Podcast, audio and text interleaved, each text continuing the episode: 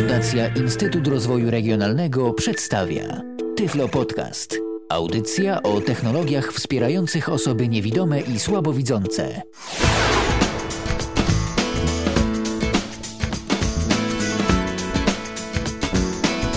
Minęła godzina 19, tu Radio N. Jesteśmy z Wami na www.radion.fm oraz www.radion.pl.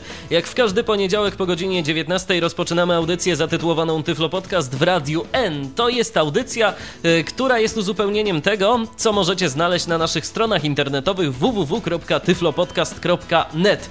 Zanim jednak y, zaczniemy dzisiejszą audycję, jeszcze mały suplement y, do audycji zeszłotygodniowej. Jak zapewne pamiętacie, wspólnie z Maćkiem Muszytowskim ogłosiliśmy wtedy konkurs na opis, czym dla Was jest Klango. Poprzeglądaliśmy sobie wspólnie z Maćkiem e, Wasze opinie, zarówno te tekstowe, mailowe, jak i przesłuchaliśmy mm, tą audycję naszą całą jeszcze raz, aby móc ustalić, e, jaka opinia Wasza na temat Klango nam się najbardziej spodobała, jaka była najciekawsza, najbardziej, no, może niekoniecznie trafna, bo oczywiście każdy ma prawo do swojego zdania, ale jaka była najbardziej zgrabna. O, w ten sposób to ujmę. I wygrał Paweł. Paweł. pseudonim Piciok, myślę, że doskonale wszystkim znany, szczególnie ze swojej modyfikacji Mirandy. Zresztą mogę już zdradzić, że w niedługim czasie z Pawłem porozmawiamy na temat tej Mirandy. Zatem Pawle, proszę, abyś skontaktował się z Maćkiem na Klango, a nagroda, no, słodka i apetyczna nagroda, na pewno cię nie minie. A teraz tyle o przeszłości, czas e, przejść do teraźniejszości, czas rozpocząć kolejny Tyflo Podcast w Radiu N. Dziś prowadzę go wspólnie z Piotrem Witkiem. Witaj Piotrze. Witaj, witajcie wszyscy. Dziś porozmawiamy sobie o czymś, e, co może nie tylko mm, jest związane z osobami niewidomymi i słabowidzącymi. Ten dżingielek e, na początku trochę mógł Was wprowadzić w błąd, bo dziś będzie nie tylko o technologiach wspierających osoby niewidome i słabowidzące. A o czym dziś, Piotrze, będziemy mówić? Dzisiaj porozmawiamy sobie o dostępności, o dostępności tej szeroko rozumianej dostępności, z którą mamy problemy w życiu codziennym, nie tylko z komputerami, ale także z urządzeniami, których używamy na co dzień w domu, urządzeniami AGD, ale także e, z dostępem, e, dostępnością kultury i tej niższej, i tej wyższej. Będziemy rozmawiać o dostępności środków e, komunikacji publicznej Dzisiaj spróbowaliśmy zaprosić do naszej audycji mm, kilku specjalistów e, z każdej z tych dziedzin. Mamy nadzieję, że uda im się z nami połączyć. E, jeśli mielibyście jakieś pytania do nas, do nich, to oczywiście zapraszamy, abyście do nas dzwonili, kontaktowali się. No i sami jesteśmy ciekawi, z czym macie największe problemy z dostępnością, ale nie tylko wy jakie problemy obserwujecie. Nie tylko osoby słabowidzące, osoby niewidome, ale osoby, które posiadają jakieś niepełnosprawności, na przykład narządu ruchu, słuchu i tak dalej, i tak dalej. A może Na nawet jakieś osoby starsze do nas zadzwonią, może także takie osoby nas słuchają, bo w końcu dostępność to jest także taki aspekt, y, który no, seniorów również dotyka, bo to są użytkownicy i to są ludzie, którzy mają pewne nietypowe potrzeby. Bo właśnie, zanim zaczniemy w ogóle mówić o konkretnych aspektach dostępności, zanim y, uruchomimy nasze łącza komunikacyjne do Waszej dyspozycji, o których za moment powiem, powiem, to spróbujmy może Piotrze zdefiniować w ogóle dostępność. Czym ta dostępność właściwie jest? Czy to tak bardzo szerokie pojęcie w ogóle da się zdefiniować? No, myślę, że na nasze potrzeby możemy spróbować zdefiniować dostępność w jak najprostszy sposób. Najczęściej obecnie ludzie mylą dostępność z dostępem. I to od razu trzeba wyjaśnić, te dwie kwestie. Dostęp to jest po prostu coś, co jest lub e, czego nie ma. To jest e, pewne określenie fizycznego dojścia, możliwości skorzystania z danej rzeczy, jeśli ona jest, lub niemożności, jeśli jej nie ma. Z kolei dostępność określa nam mm, pewien poziom, e, pewien zakres, w jakim możemy z danej dostępnej rzeczy, usługi itd. Tak skorzystać. I ja bym tutaj posłużył się jeszcze takim przykładem, skoro wspomniałeś o seniorach. Ja myślę, że takim doskonałym przykładem obrazującym właśnie mm, dostępność i dostęp będą pieniądze. Nasze polskie pieniądze, e, tutaj szczególnie mam na myśli banknoty i monety ponieważ polskie monety są doskonale oznakowane dla osób e, niewidomych, słabowidzących, ale zwróćmy uwagę na co dzień w sklepach. Ile ludzi ma problemy, jeśli mają wybrać sobie jeden grosz, dwa grosze.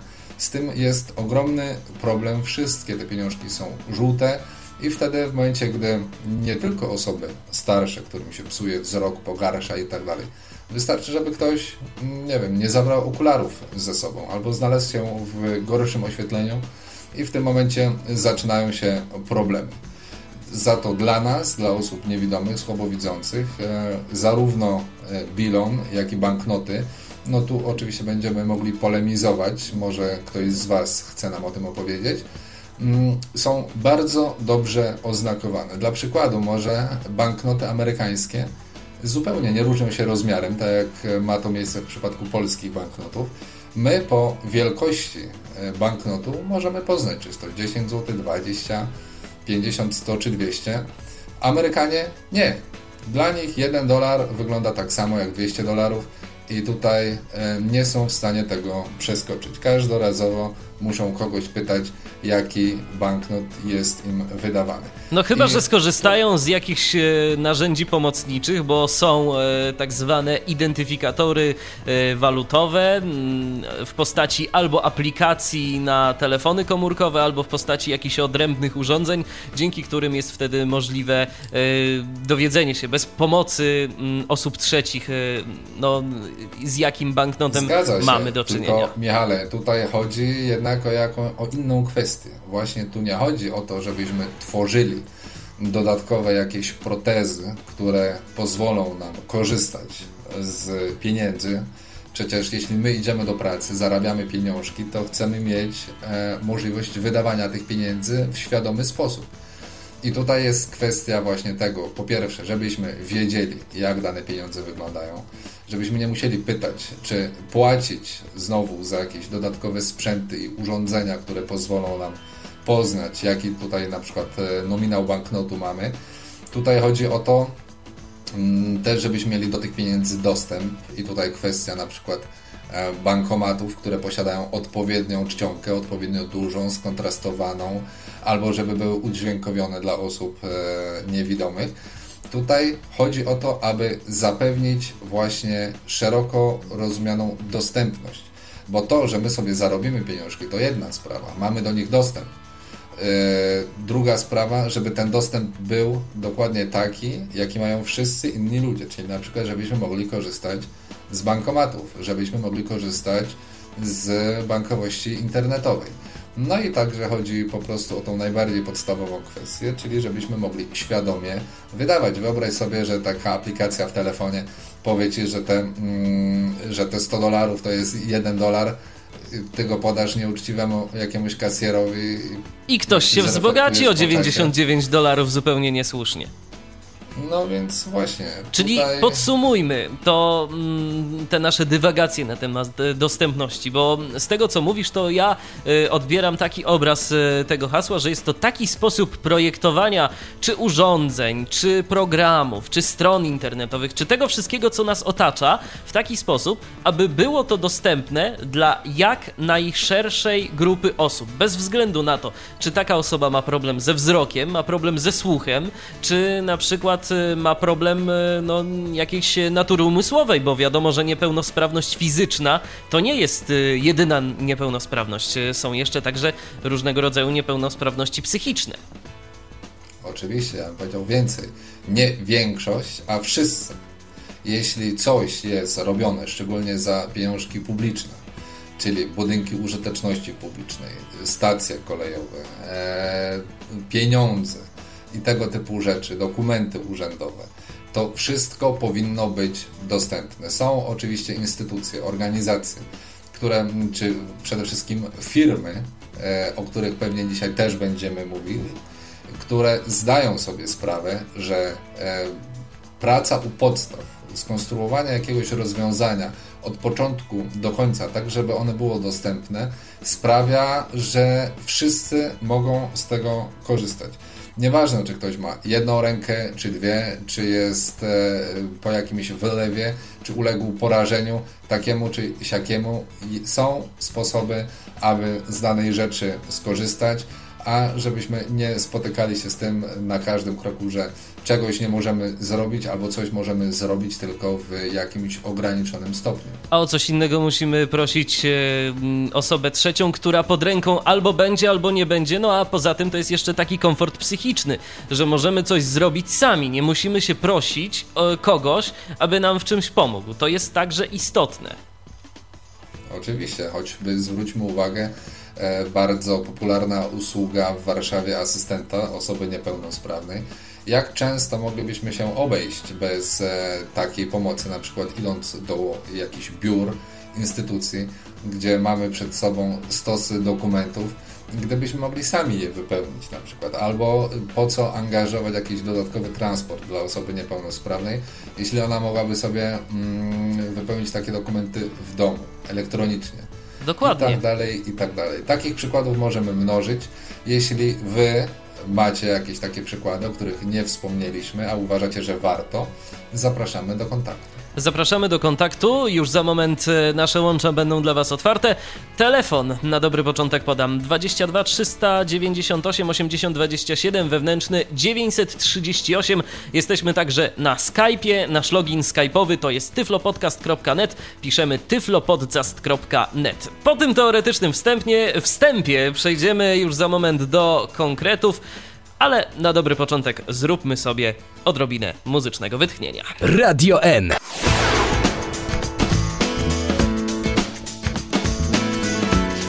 Słuchacie cały czas e, Tyflo Podcastu w Radiu N. Dziś rozmawiamy o dostępności. O dostępności rzeczy różnych. Już za moment porozmawiamy sobie o dostępności stron internetowych, o tym jak to wszystko właściwie wygląda. Połączył się z nami Jacek Zadrożny. Witamy Cię, Jacku. No, witam wszystkich. Jeszcze coś e, poza anteną wspominałeś, że a propos pieniędzy chciałbyś dodać, a propos amerykańskich pieniędzy, zielonych. Tak, Piotr opowiedział e, o tym, że e, dolary amerykańskie są trudno rozpoznawalne, jeżeli w ogóle są rozpoznawalne. No i amerykańscy niewidomi jakiś czas temu postanowili pozwać rząd amerykański właśnie o taką dyskryminację i oni ten proces wygrali. W związku z tym y, rząd amerykański musi zmienić banknoty dolarowe w taki sposób, żeby one były możliwe do rozpoznania przez osoby niewidome. No to Ameryka... chyba nie będzie wielkim problemem, bo swego czasu czytałem, że Amerykanie dodrukowywali sobie na przykład pieniądze, więc już y, drukarnie mają sprawne. No, no to jedynie może być problem y, kosztów, no bo to jednak tych dolarów jest na świecie tyle, że zanim się nową, nowe wydrukuje w takiej ilości, to jednak troszkę chyba zejdzie się czasu. Zgadza się. To jest prawda. No ale trzymamy kciuki, życzymy powodzenia, żeby amerykańscy niewidomi już nie mieli takich problemów, że ktoś ich na przykład w sklepie oszuka, albo y, żeby na przykład musieli korzystać z jakichś y, protez w postaci aplikacji czy narzędzi, które różnie działają. Jak mówiłem, będziemy teraz rozmawiać o dostępności stron internetowych. No właśnie, od czego myślicie, że moglibyśmy zacząć a propos tej dostępności? Bo to jest też temat rzeka i sporo na ten temat można powiedzieć. No myślę, że warto zacząć od tego, dlaczego strony są niedostępne. No to Jacku, słuchamy, dlaczego strony są niedostępne? Bo są źle przygotowywane. Czyli to jest jakby już y, problem na etapie samego projektowania strony, tak? Że webmaster coś źle pomyśli, nie, nie uwzględni pewnych rzeczy, no i jest problem. No, ściśle rzecz biorąc, to webmasterzy mają y, dużą fantazję i potrafią nawet zepsuć to, co już jest dobre. Y, biorąc pod uwagę Przykład to, że... chociażby Banku Śląskiego czy ING, y, który obserwowaliśmy w tym roku. Na przykład. Y, ale to jest dużo szerszy problem. Y, jest obecnie dostępnych bardzo dużo takich CMS-ów, czyli Content Management System, czyli krótko mówiąc, oprogramowania, które służy do wyświetlania stron internetowych. E, I tak naprawdę większość z nich, domyślnie ustawiona, to są rozwiązania zupełnie dostępne. Takie rozwiązania jak Joomla, Drupal, WordPress, To wszystko, jeżeli się tego nie popsuje, to jest dostępne. Natomiast programiści, webmasterzy mają dużo fantazji, oni chcą pokazać, co potrafią i psują. To, co mogło być dobre, przestaje być dobre, staje się niedostępne. No i potem my musimy do nich się zwracać, żeby oni naprawiali. Oni mówią, że się nie da. I to jest drugi powód, dla, których, dla którego strony są niedostępne. Ludzie nie, nie rozumieją problemu. Nie potrafią się postawić w sytuacji innej osoby. Ja już nawet nie mówię osoby niepełnosprawnej, ale w ogóle innej osoby. Bo to zazwyczaj jest tak, że testowane jest to przez y, takiego webmastera, no i ewentualnie przez jakiegoś y, szefa danej firmy, który mm, otrzymuje taką stronę i z reguły to wygląda w ten sposób, że no taki webmaster przychodzi z tym gotowym projektem. Y, jeżeli na komputerze szefa dobrze to wygląda, no to jest wszystko w porządku A nie, nie ma problemu. Nie, Michale, to wcale tak nie jest. Ten webmaster przychodzi ze swoim laptopem. No to jeszcze lepiej. 17-calowym, gdzie z dysku lokalnego odpala się piękna prezentacja we flashu. Wszystko chodzi tak rewelacyjnie, że szef nie ma żadnych wątpliwości, że to jest dokładnie to, o co mu chodziło. Po czym kupuje ten, e, ten, ten serwis internetowy, to się instaluje w sieci, po czym użytkownicy tego nie mogą używać, bo część nie, nie ma obsługi Flasha. Proszę nie, nie zapominać o tym, że Flasha na przykład nie obsługują urządzenia firmy Apple. Część użytkowników, jako użytkownicy niewidomi, z Flasha także nie mogą korzystać, ale to także się jakoś strasznie długo ciągnie z tego internetu, nie daje się tego w ogóle pozycjonować. Jest to ogólnie rzecz biorąc produkt beznadziejny, ale wygląda ładnie. I to jest właśnie ten problem, że ludzie nie potrafią postawić się w sytuacji in użytkownika. Dla nich jest dobrze, znaczy, że ogólnie jest dobrze. To problem znamy. Jak temu powinniśmy w takim razie zapobiegać? No, nie bardzo mamy możliwość zapobiegania czemuś takiemu, poza tym, co staramy się robić, czyli edukować. Robić szkolenia, wydawać publikacje, tłumaczyć. Y, na tym etapie najwcześniejszym, jak to możliwe, a później, no cóż, Budować jest taniej, ale poprawiać też można. To kosztuje drożej, ale da się zrobić. Więc jeszcze raz mówię, edukować, edukować i jeszcze raz edukować. A skoro mówimy Jacku, o edukacji, no właśnie, to jeszcze Piotr, jakieś e? Chciałem się zapytać, ponieważ e, skądinąd wiadomo mi, że ty jako pro, pracownik Fundacji Instytut Rozwoju Regionalnego bierzesz udział w e, rozmowach, które toczą się przy naszym rządzie odnośnie dostosowania dokumentów elektronicznych. Czy możesz nam coś o tym powiedzieć? Czy tutaj jakoś możemy mieć nadzieję, że coś się zmieni, że będziemy mieli wgląd w dokumenty państwowe, urzędowe? Czy będziemy mogli jakoś z tego korzystać? Yy, tak, chociaż oczywiście, jak zwykle, yy, wszystko jest po stronie ludzi. I to warto zwrócić uwagę, że jeżeli dany człowiek rozumie już o co chodzi, zna problem, to nagle się okazuje, że tam, gdzie on zarządza serwisem internetowym, to problemów nie ma.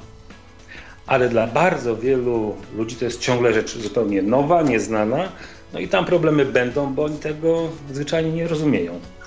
Ja radzę zajrzeć kiedyś na stronę Rządowego Centrum Legislacyjnego, y, na przykład na zestaw dokumentów, czyli aktów prawnych, ustaw, rozporządzeń, dostępnych pod adresem dokumenty.rcl.gov.pl.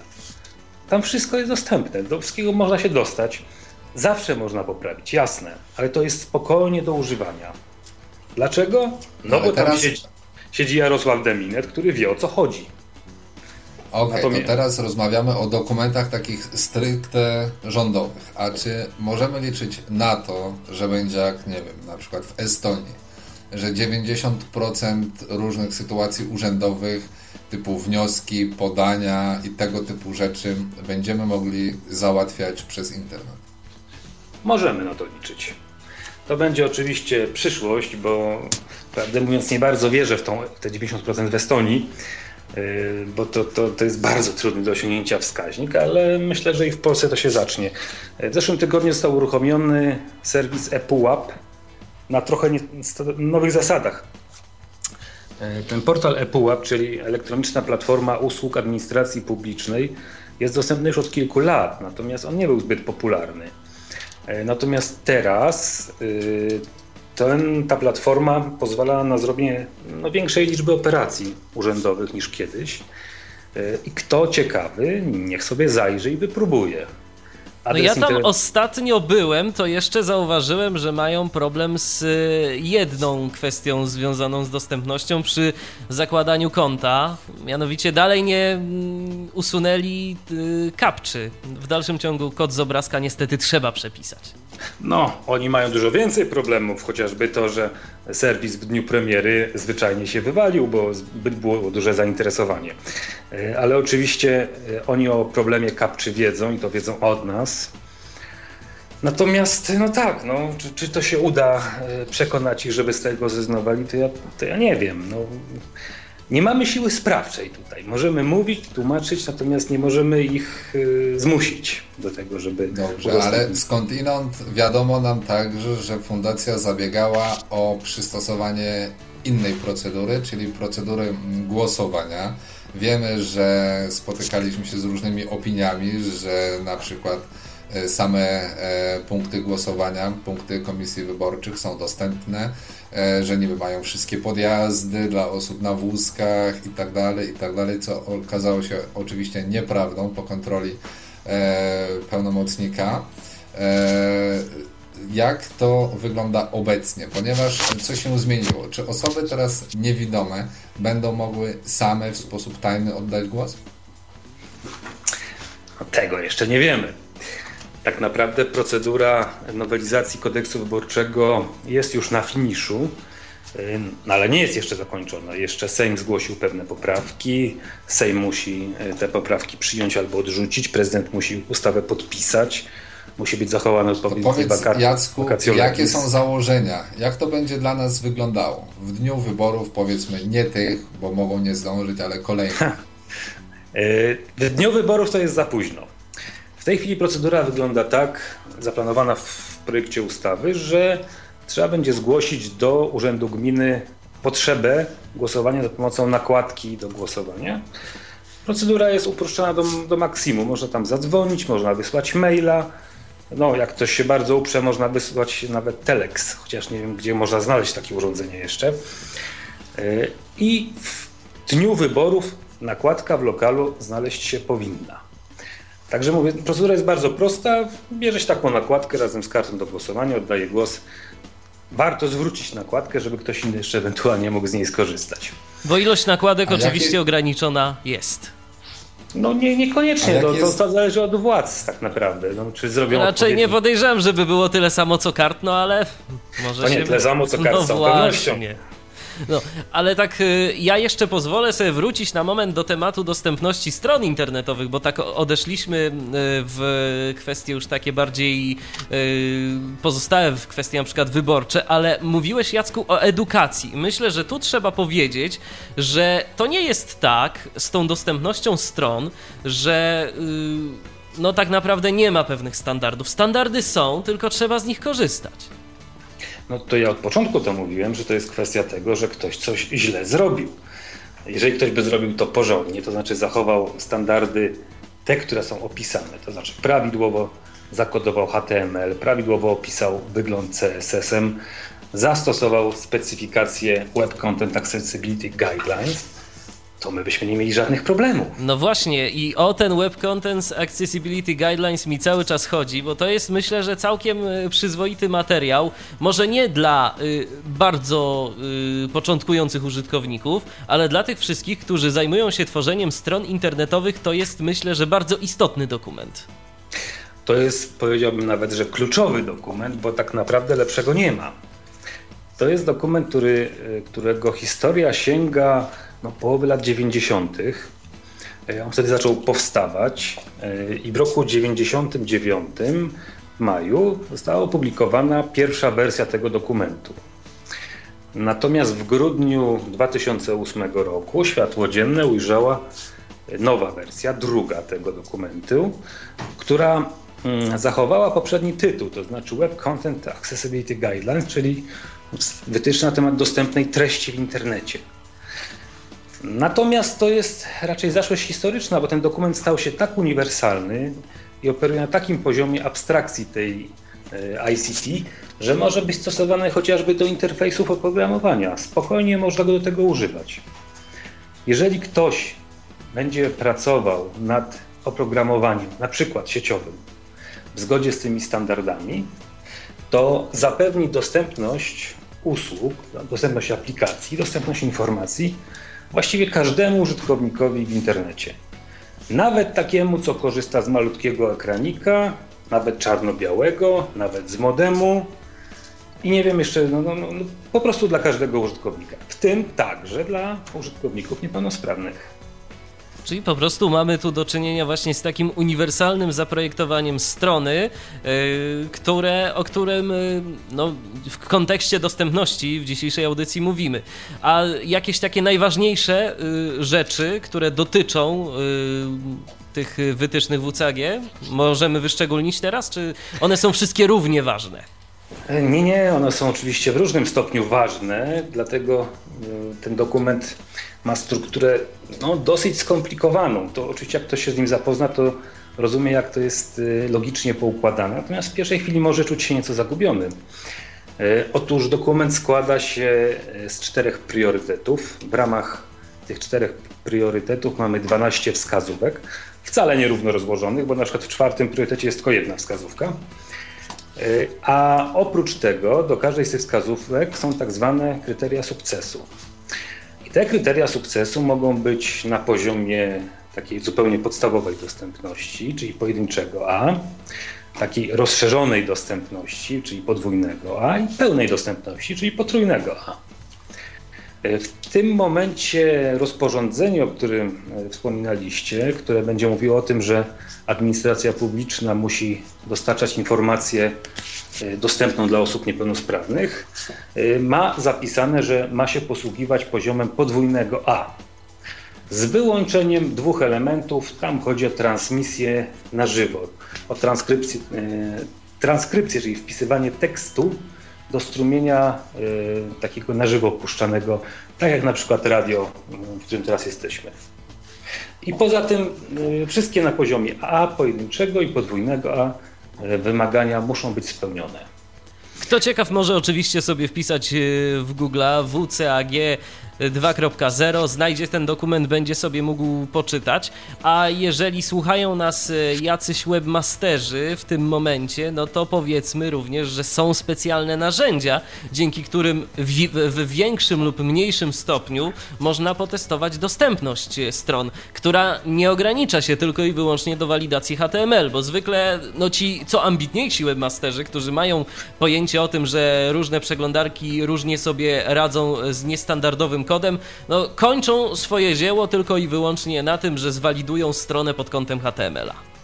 No tak, to, ale to chociaż niech tyle zrobią, bo tak naprawdę znaleźć dobrze zwalidowaną stronę. To... Oj, to już jest i tak. tak. ale są narzędzia. Tak, nie wiem, Michale, czy, ty, czy my możemy tak opowiedzieć, czy, czy to jest jeszcze tajemnica? Nie, no myślę, że już możemy. Skoro ostatnio już Utilitia ujrzała światło dzienne, to, to myślę, że możemy powiedzieć, jak na razie w stadium bardzo wczesnej wersji testowej, ale już coraz bliżej jej do no, ujrzenia tego światła dziennego w pełnej skali. No to może ty opowiedz, ponieważ najbliżej jesteś tego tematu. No, będzie najlepiej. Dobrze, więc e, już niebawem, zresztą to narzędzie nawet teraz jest, jeżeli ktoś e, miałby ochotę potestować, to można skorzystać ze strony internetowej validator przez v. Można zapoznać się z tym narzędziem. E, niebawem no, nieco więcej, nieco szerzej i więcej będzie o nim tu i tam. Natomiast na chwilę obecną Utilitia to jest narzędzie, którego zadaniem jest sprawdzanie dostępności serwisów internetowych. Y, za pomocą tego narzędzia na chwilę obecną możemy zwalidować stronę pod kątem y, poprawności i zgodności z wytycznymi ze standardami HTML. Możemy sprawdzić na przykład poziom zagnieżdżenia nagłówków. Możemy sprawdzić etykiety formularzy, możemy sprawdzić także mm, arkusze stylów e, CSS, czy wszystko z nimi jest w porządku. No i jeszcze kilka innych e, walidatorów. Taki ciekawy walidator, który między innymi e, jest zawarty w utility, to jest walidator sprawdzający, czy język zadeklarowany w dokumencie strony internetowej jest tożsamy z tym, który jest użyty, bo mm, niektóre urządzenia, to już możemy od razu powiedzieć, e, bazują na tym, jak jest e, język zadeklarowany. No jeżeli będzie tekst w innym języku, no, może dojść do niezbyt ciekawej sytuacji. No, takim urządzeniem na przykład jest e, iPod, iPad i tego typu urządzenia firmy Apple, gdzie oprogramowanie Yy, voiceover rozpoznaje język danego dokumentu i przestawia się automatycznie na inny syntezator mowy. No i kto doświadczył próby zrozumienia polskiego tekstu czytanego angielskim syntezatorem, ten wie z jakim to się bólem może wiązać. Yy, dlatego to jest też ważna rzecz i to jest jedna z tych rzeczy, których nie widać, których webmasterzy mówią, no to co, że tu jest zadeklarowany inny język? Przecież wszystko się dobrze wyświetla. No, no tak, no, wyświetla się dobrze, ale do przetwarzania już się nie nadaje. Nawet i powiem Ci szczerze, że y, z reguły programy odczytu ekranu nie wskażą nam y, problemów z językiem, bo tak naprawdę niewiele osób y, uaktywnia to i też niewiele osób korzysta. Chyba, chyba w JOSie tylko jest tak naprawdę taka możliwość, żeby jeżeli dokument jest zadeklarowany w danym języku, to żeby się przełączał na odpowiedni syntezator mowy i czytał tym językiem. Ona tak. jest i tam domyślnie jest zaznaczona ona w ogóle po zainstalowaniu aplikacji, że jesteśmy informowani, jaki język jest zadeklarowany. No więc tak to wygląda. No, Utility Validator potrafi jeszcze kilka rzeczy może sprawdzić, na przykład czy grafiki mają odpowiednie opisy alternatywne, czy, czy, czy linki nie są, nie mają jakichś wadliwych, yy, wadliwej formy Może jeszcze sprawdzić na przykład, y, czy nie ma problemu z, z, elementami migającymi. O, to jest y, ciekawa kwestia związana z tymi migającymi elementami, bo wydawałoby się, że no, tak naprawdę no, nie ma z tym problemu. Osoby niewidome takich elementów nie zobaczą, osoby niesłyszące no, to już w ogóle można pominąć, ale jest grupa osób, która będzie miała problem, kiedy taki element będzie migać zbyt szybko. To niekoniecznie chodzi o prędkość tak naprawdę. E, ten problem dotyczy osób chorych na epilepsję, kiedy takie miganie elementów może doprowadzić, no wywołać po prostu atak. E, do specyfikacji WCAG wprowadzono zasadę, że takich elementów być nie powinno. E, po takiej historii, która się wydarzyła w Japonii, gdzie podczas oglądania bajki takiej anime.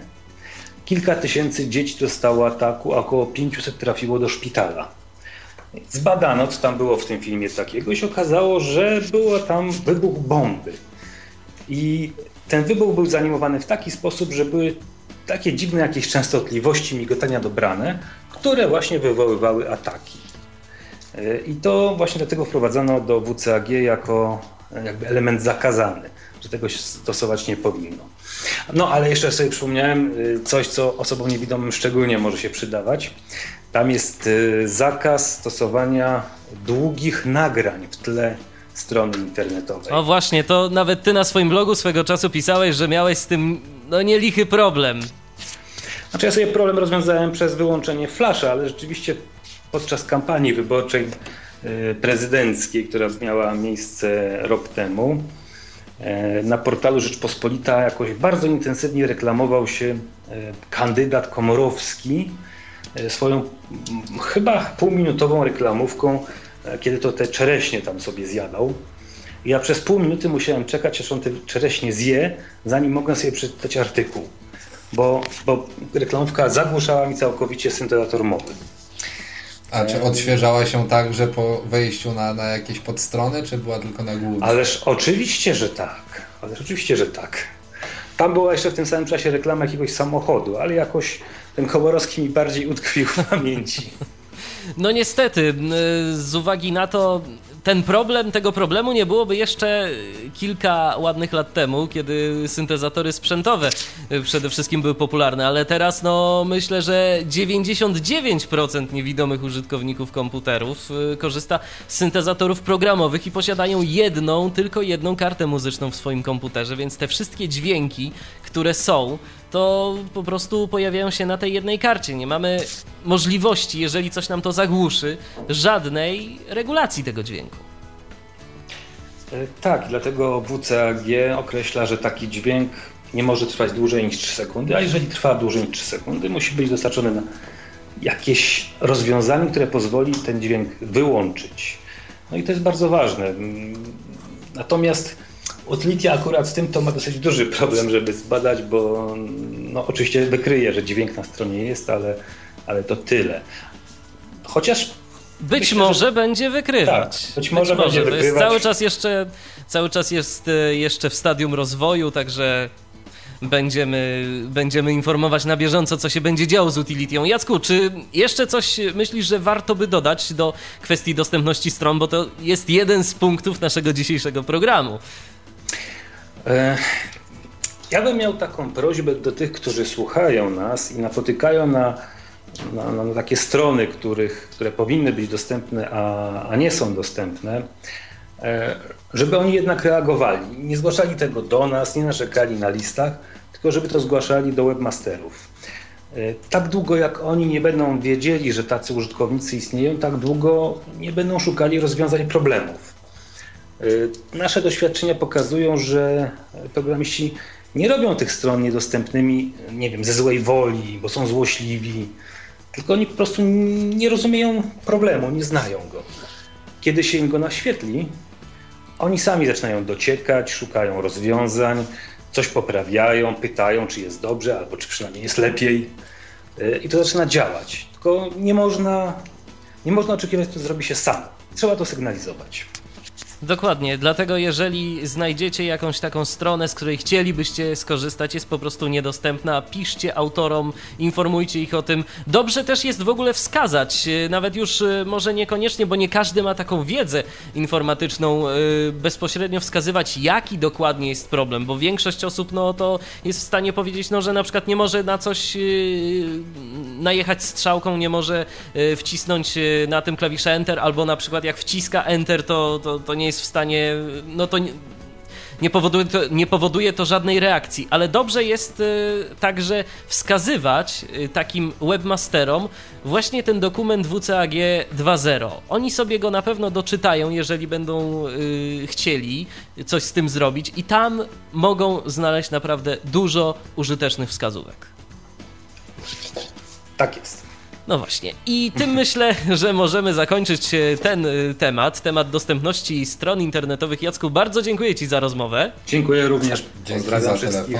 Do usłyszenia. No to co, Piotrze, tematów jeszcze mamy sporo, to teraz myślę, że zrobimy sobie odrobinę muzycznego wytchnienia i przejdziemy do kolejnego tematu.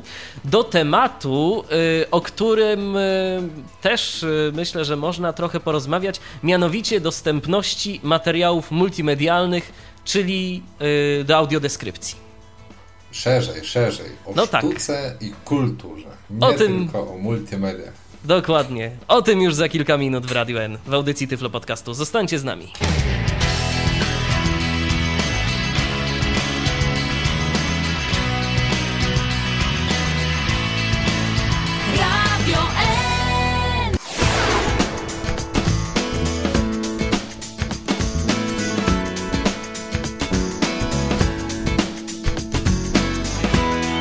To jest cały czas audycja Tyflo Podcastu w Radiu N. No i czas na kolejnego gościa. Tym razem e, na gościa żeńskiego dla odmiany. Był Jacek, to teraz Basię witamy. Witamy Basię Szymańską z Fundacji Audiodeskrypcja. Ja witam wszystkich Witaj. również bardzo serdecznie tego miłego wieczoru. Teraz będziemy mówić, no już tu Piotr mnie skorygował przed momentem, że nie będziemy mówić tylko i wyłącznie o dostępności e, materiałów multimedialnych dla osób niewidomych, e, ale także w ogóle o dostępie do kultury jako takiej, bo będziemy mówić o czymś, Nie co... Nie tylko dla niewidomych, tylko także na pewno Basia nam opowie, jak wygląda dostępność dla osób niesłyszących czy głuchoniewidomych, bo to też jest istotna kwestia. No właśnie, dobrze Piotrze, że mnie poprawiasz, bo widzisz, ja nawet y, mając jakąś tam świadomość tej dostępności, to, to jeszcze cały czas jednak y, patrzę w obrębie tego swojego podwórka, no i w obrębie podwórka Tyflo Podcastu. Dobrze, zatem zacznijmy może od... Y, kilku słów wyjaśnienia na temat tego, cóż to takiego w ogóle jest ta audiodeskrypcja, czemu ona służy i, no i po co w ogóle coś takiego wprowadzać i gdzie się to wprowadza. Okej, okay, więc audiodeskrypcja to najprościej y, opis treści wizualnych, tych widocznych treści audiowizualnych. Audiodeskrypcja wywodzi się ze Stanów Zjednoczonych, tam już i początki były w latach 70 gdzie po raz pierwszy na Uniwersytecie w San Francisco opracowano jej pierwsze podstawy teoretyczne. E, I był to system narracji opisowej, który później dopiero w latach 80. został nazwany audiodeskrypcją. E, w połowie lat 80. E, przybyła audiodeskrypcja już na kontynent europejski i tutaj można powiedzieć rozpoczął się taki dynamiczny rozwój audiodeskrypcji w Europie. W Polsce pierwsze pokazy audiodeskrypcji to rok 2006, Kinopokój i seans statyści Michała Kwiecińskiego. Dlatego też, że audiodeskrypcja była przyjęta jako technika filmowa, postanowiliśmy z Fundacją Audiodeskrypcja, że rozpoczniemy też inne działania, które wykażą, iż nie jest to tylko technika stosowana w multimediach, ale dobrze również nadaje się do teatrów, do muzeów, nawet do widowisk sportowych, wydarzeń jakichkolwiek, które mają charakter widowiskowy, również do mediów strumieniowych, także na stronach internetowych. Czyli audiodeskrypcja, to już mniej więcej wiemy, to jest po prostu opisanie w jakiś sposób, w zależności od, y, od potrzeb, to jest opisanie pewnego materiału, bo na razie audiodeskrypcja, jak sama nazwa wskazuje, jak rozumiem, tyczy się osób niewidomych, tak? Czy... Dokładnie, jest kierowana szczególnie do osób niewidomych i słabowidzących, y, byśmy tutaj nie zapominali o tym, że są również osoby słabowidzące, o czym często też y, starają się zapominać inne osoby, które tworzą audiodeskrypcję, chociażby z tego powodu, że audiodeskrypcja jest tylko dołączana do ścieżki dźwiękowej, natomiast y, nie ma obrazu. A to jest już błąd z tego względu, że osoba słabowidząca, która też takiej pomocy potrzebuje w opisywaniu tych treści, których nie do końca, e, które nie do końca może zobaczyć, e, w tym momencie już nie może skorzystać e, dokładnie tak, jakby chciała z oglądania filmu, chociażby. Ale korzystają z tego również osoby starsze. No to Piotrek, Czyli jeśli pytanie? dobrze rozumie, E, mówisz, że są osoby, które zajmują się audiodeskrypcją i promują to na zasadzie jakiejś samej ścieżki audio, tak? Bez obrazu. No, niestety tak. E, chociażby w BC mamy taki przykład, gdzie są tylko filmy. E, audiodeskrypcja jest dołączona jedynie do ścieżki dźwiękowej. To jest tylko MP3 do pobrania, brakuje tutaj obrazu. A to jest przecież mhm. podstawą y, też w audiodeskrypcji, żeby ten obraz jednak był, byśmy na równych zasadach mogli chodzić do kina, do teatru, do muzeów razem z osobami widzącymi, ze swymi przyjaciółmi, znajomymi i oglądać te same dzieła. Wspominałaś okay, a jak to o... No właśnie. się ma w przypadku osób właśnie niesłyszących czy głuchoniewidomych? E, osoby niesłyszące, głucho-niewidome mogą korzystać chociażby z przewodników, e, z tłumaczy języka migowego. E, ten przewodnik na przykład też mm, jest w stanie tą audiodeskrypcję, która już jest stworzona do dzieła, przekazać tym osobom. Dodatkowo stosuje się różne alternatywne, alternatywne techniki, e, chociażby tyflografikę Braille'a dla osób e, z problemami widzenia. Natomiast, tak jak już powiedziałam wcześniej, dla osób niesłyszących, głuchoniewidomych, e, te techniki są do nich dostosowywane do ich potrzeb, do ich możliwości odbioru. I to już trzeba wtedy indywidualnie zapoznać się z potrzebami takich osób i na tej podstawie określić, co komu e, najbardziej będzie przydatne. A ja zapytam o jakby techniczny aspekt, bo powiedziałaś, że możemy z takiej audiodeskrypcji skorzystać w kinie, w teatrze, możemy skorzystać e, także na przykład w muzeum, czy, czy w jakimś innym takim e, ośrodku tego typu. No dobrze, ale jak to zrealizować? Bo przecież y, w kinie y, mamy cały czas materiał powtarzalny. A co w przypadku, kiedy pójdziemy sobie na przykład do teatru? W teatrze no, wszystko może zmieniać się na bieżąco. Wszystko jest na żywo, dokładnie. E, w kinach jeszcze obecnie nie ma systemu, który istnieje chociażby w Europie, gdzie filmy są puszczane już od razu z audiodeskrypcją i widz ma możliwość odsłuchu audiodeskrypcji na słuchawkach. E, u nas na razie, na tą chwilę, wygląda to w ten sposób, że w kinie audiodeskryptor odczytuje audiodeskrypcję na żywo, chociaż wcześniej ją tworzy. E, w teatrze jest podobnie, bo również widz dostaje słuchawki, audiodeskryptor odczytuje audiodeskrypcję, którą też przygotowuje wcześniej, e, zapoznając się z danym e, spektaklem. Natomiast istnieje możliwość zmiany na scenie, kiedy aktor inaczej odegra scenę, kiedy pewna scena zupełnie już inaczej wygląda niż wyglądała jeszcze wcześniej na próbie, mm, kiedy audiodeskrypcja była tworzona. W tym momencie audiodeskryptor musi szybko reagować i dostosowywać audiodeskrypcję do tych zmian, które istnieją, bo nie możemy mieć czegoś takiego, że stworzona audiodeskrypcja nie dostrzega tej zmiany, bo jakbyśmy oglądali inny spektakl.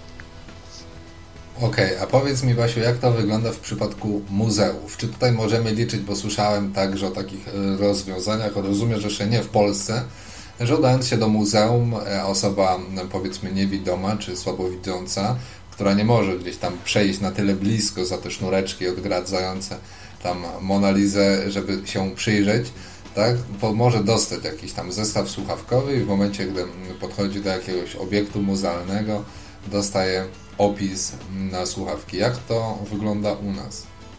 E, w Polsce istnieją również takie urządzenia. Często e, są też wykorzystywane audioprzewodniki lub przewodniki audio, e, z których korzystają osoby widzące. Tyle, że tutaj one, te urządzenia nie są dostosowane do potrzeb osób niewidomych, chociażby ze względu A na się różnią? Już powiem. Właśnie. Chociażby klawiatura. Nie będziemy wiedzieć, który klawisz do czego służy. E, często też posiadają mm, wyświetlacze, na których e, jest menu. Ktoś może wybierać e, pewne funkcje z danego urządzenia, natomiast my w przypadku braku udźwiękowienia takich urządzeń nie jesteśmy w stanie tego zrobić. Dodatkowo... To powiedz nam tak, może w ogóle, jak one działają, te przewodniki Właśnie chciałam głosowe, powiedzieć. Okay. Przewodnik... Dobra, nie przeszkadzam dla osób widzących prowadzi tą osobę, e, pomagając jej tylko w przypadku, e, kiedy znajduje się na przykład ta osoba samodzielnie dochodzi już do danego obiektu, e, to może odtworzyć opis tylko że ten opis też inaczej wygląda. On jest y, interpretacją, a nie opisywaniem treści wizualnej. My, mm, jako osoby niewidome, nie możemy zobaczyć tego dokładnie, co się znajduje na obrazie. Y, urządzenia, które obecnie powstają y, do zwiedzania dla osób niewidomych, uwzględniają potrzebę chociażby taką, byśmy mogli samodzielnie zwiedzić muzeum i zlokalizować dany obiekt w, przestrzeni muzealnej. To jest bardzo istotne, często też się o tym zapomina, chociażby stosując w muzeach różnego rodzaju odtwarzacze MP3, y, które nie są w stanie nam pomóc zlokalizować obiekt. Natomiast to urządzenie dzięki znacznikom radiowym jest w stanie w tym momencie, kiedy się przy dziele danym znajdziemy, y, od razu zacząć odtwarzać audiodeskrypcję. I to jest o tyle ciekawe, że kiedy wyjdziemy poza obszar danego dzieła, audiodeskrypcja jest przerywana. Natomiast kiedy wracamy z powrotem do tego miejsca, gdzie staliśmy przed chwilą, gdzie urwała się nam ta audiodeskrypcja, możemy ją usłyszeć od tego dokładnie momentu, w którym została przerwana. Kino, teatr, muzeum. Powiedzieliśmy już o tych miejscach, gdzie można spotkać audiodeskrypcję. E, o materiałach multimedialnych, e, czyli o filmach, e, to myślę, że powiemy sobie jeszcze za momencik, ale takie pytanie, czy audiodeskrypcję można spotkać jeszcze na przykład w jakichś nietypowych miejscach? Czy słyszałaś może o takich nietypowych zastosowaniach audiodeskrypcji, czy raczej no, nie wychodzi się poza ten kanon kilku miejsc? E, stosowana była również, przynajmniej w Białymstoku były już dwa mecze, podczas których zastosowana e, została podczas właśnie e, meczy piłki nożnej. Osoby niewidome również... O, jakiś... Zdaje się, że z Piotrem się... O, a co to się dzieje? Piotrze, ty jesteś? Nie, Piotra nie ma, Piotr nam się rozłączył. Eee to zaraz się... Zaraz się połączymy z Piotrem, bo się chyba coś nam tu niestety... O... O właśnie, no, już. Witaj Piotrze. Witaj Piotrze ponownie. Jestem, tak. Dobrze, więc, więc, wróćmy, więc wróćmy do tematu. No niestety, to jest, to jest prowadzenie audycji na żywo, tak też się czasem zdarza. Więc Basiu, wróćmy może do tematu. Yy, powiedziałaś mecze piłki nożnej, a jeszcze coś? E, tak, jeszcze są obecnie, e, realizujemy projekt do przewodników turystycznych, e, bo też dziedzictwo kulturowe to nie tylko muzea, ale także obiekty architektoniczne, więc w tym przypadku będzie to architektura. Natomiast wkrótce ruszy także audycja radiowa, w której mm, będziemy opisywać dzieła, począwszy od sztuki prehistorycznej do czasów współczesnych. No to ciekawe plany. Pozostaje życzyć Super. Ja powodzenia. w takim razie mam jeszcze pytanie.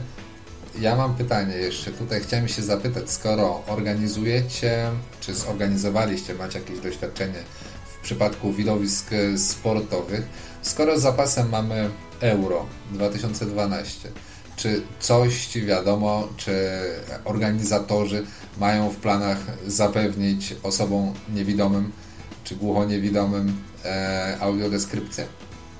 E, tak, takie plany były, tylko że niestety chyba na tyle jest dużo tych problemów związanych z realizacją euro, że do tej pory jak gdyby nie ma osób, które mogłyby się tym zająć.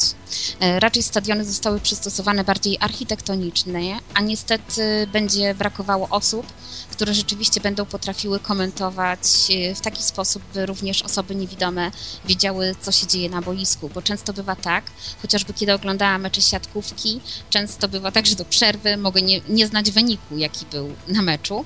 E, wiele ciekawostek słyszę o osobach, które biorą udział w meczu, a co się dzieje na parkiecie, tego nie słyszę.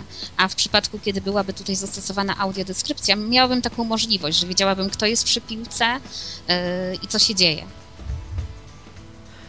No i tak to no wygląda. Ja się zastanawiam, jak e, Skandynawowie rozwiązują sytuację w momencie, gdy audiodeskrybują na przykład mecze hokeja. To jest dla mnie nie do pojęcia, gdzie ten krążek śmiga z ogromną prędkością, a mimo to oni są w stanie jakoś nadążyć nad, nad przebiegiem meczu. Bo my podążamy za osobą, która jest przy piłce albo przy właśnie krążku. Dlatego jest o tyle lepiej, bo za krążkiem nie jesteśmy w stanie pewnie nadążyć, ale rzeczywiście audiodeskrypcja wydarzeń y, sportowych jest zupełnie inna niż y, chociażby filmów czy spektakli. Tutaj nie ma dialogu, to jest ciągła akcja i to jest akcja cały czas, kto jest chociażby przy piłce, co z tą piłką się dzieje i jaką ktoś akcję z tą piłką wykonuje.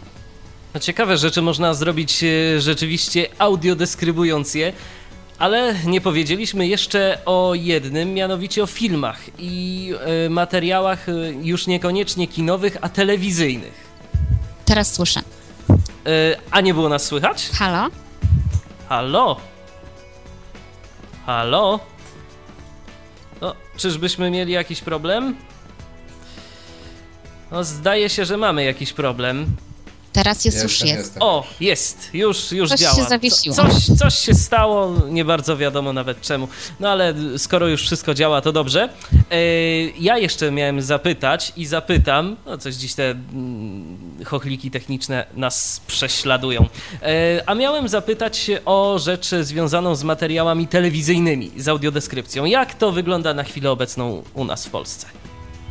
E, w przypadku filmów e, jest teraz, e, można powiedzieć, takie zostały drzwi, drzwi otworzone lub nawet można powiedzieć wyważone z, ze względu na znowelizowaną ustawę o radiofonii i telewizji, która wdraża w życie dyrektywę, dyrektywę medialną. Jest, w ustawie znalazły się zapisy dotyczące tego, ile procent oferty programowej telewizji powinno być dostosowanej do potrzeb osób zarówno niewidomych, niewidomych, niesłyszących i głuchoniewidomych. Bo warto tutaj też dodać, że to nie tylko będzie audiodeskrypcja, ale będą także napisy i język migowy. Tak jak powiedziałam właśnie, że w przypadku osób niesłyszących, osób głuchoniewidomych, osób, e, które nie słyszą zarówno od urodzenia i tych, które nie słyszą, bo straciły słuch, e, tutaj te potrzeby również są różne, e, tak samo jak osób, które są ociemniałe i niewidome od urodzenia.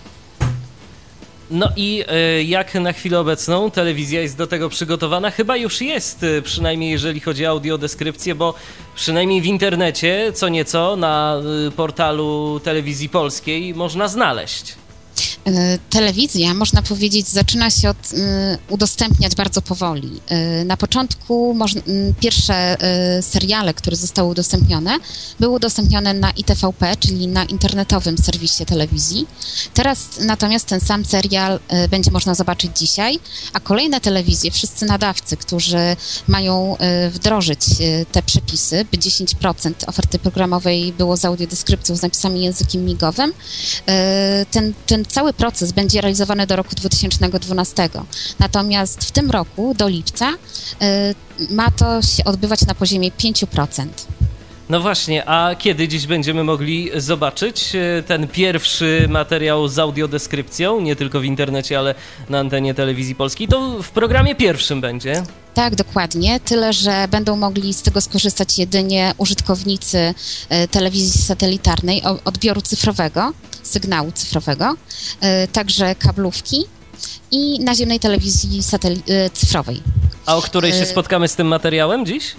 To będzie pierwszy odcinek serialu Tajemnica Twierdzy Szyfrów o godzinie 22.35. Zatem zapraszamy. No, możecie się oderwać na pół godziny od radia, bo to pół godziny będzie, czy godzina?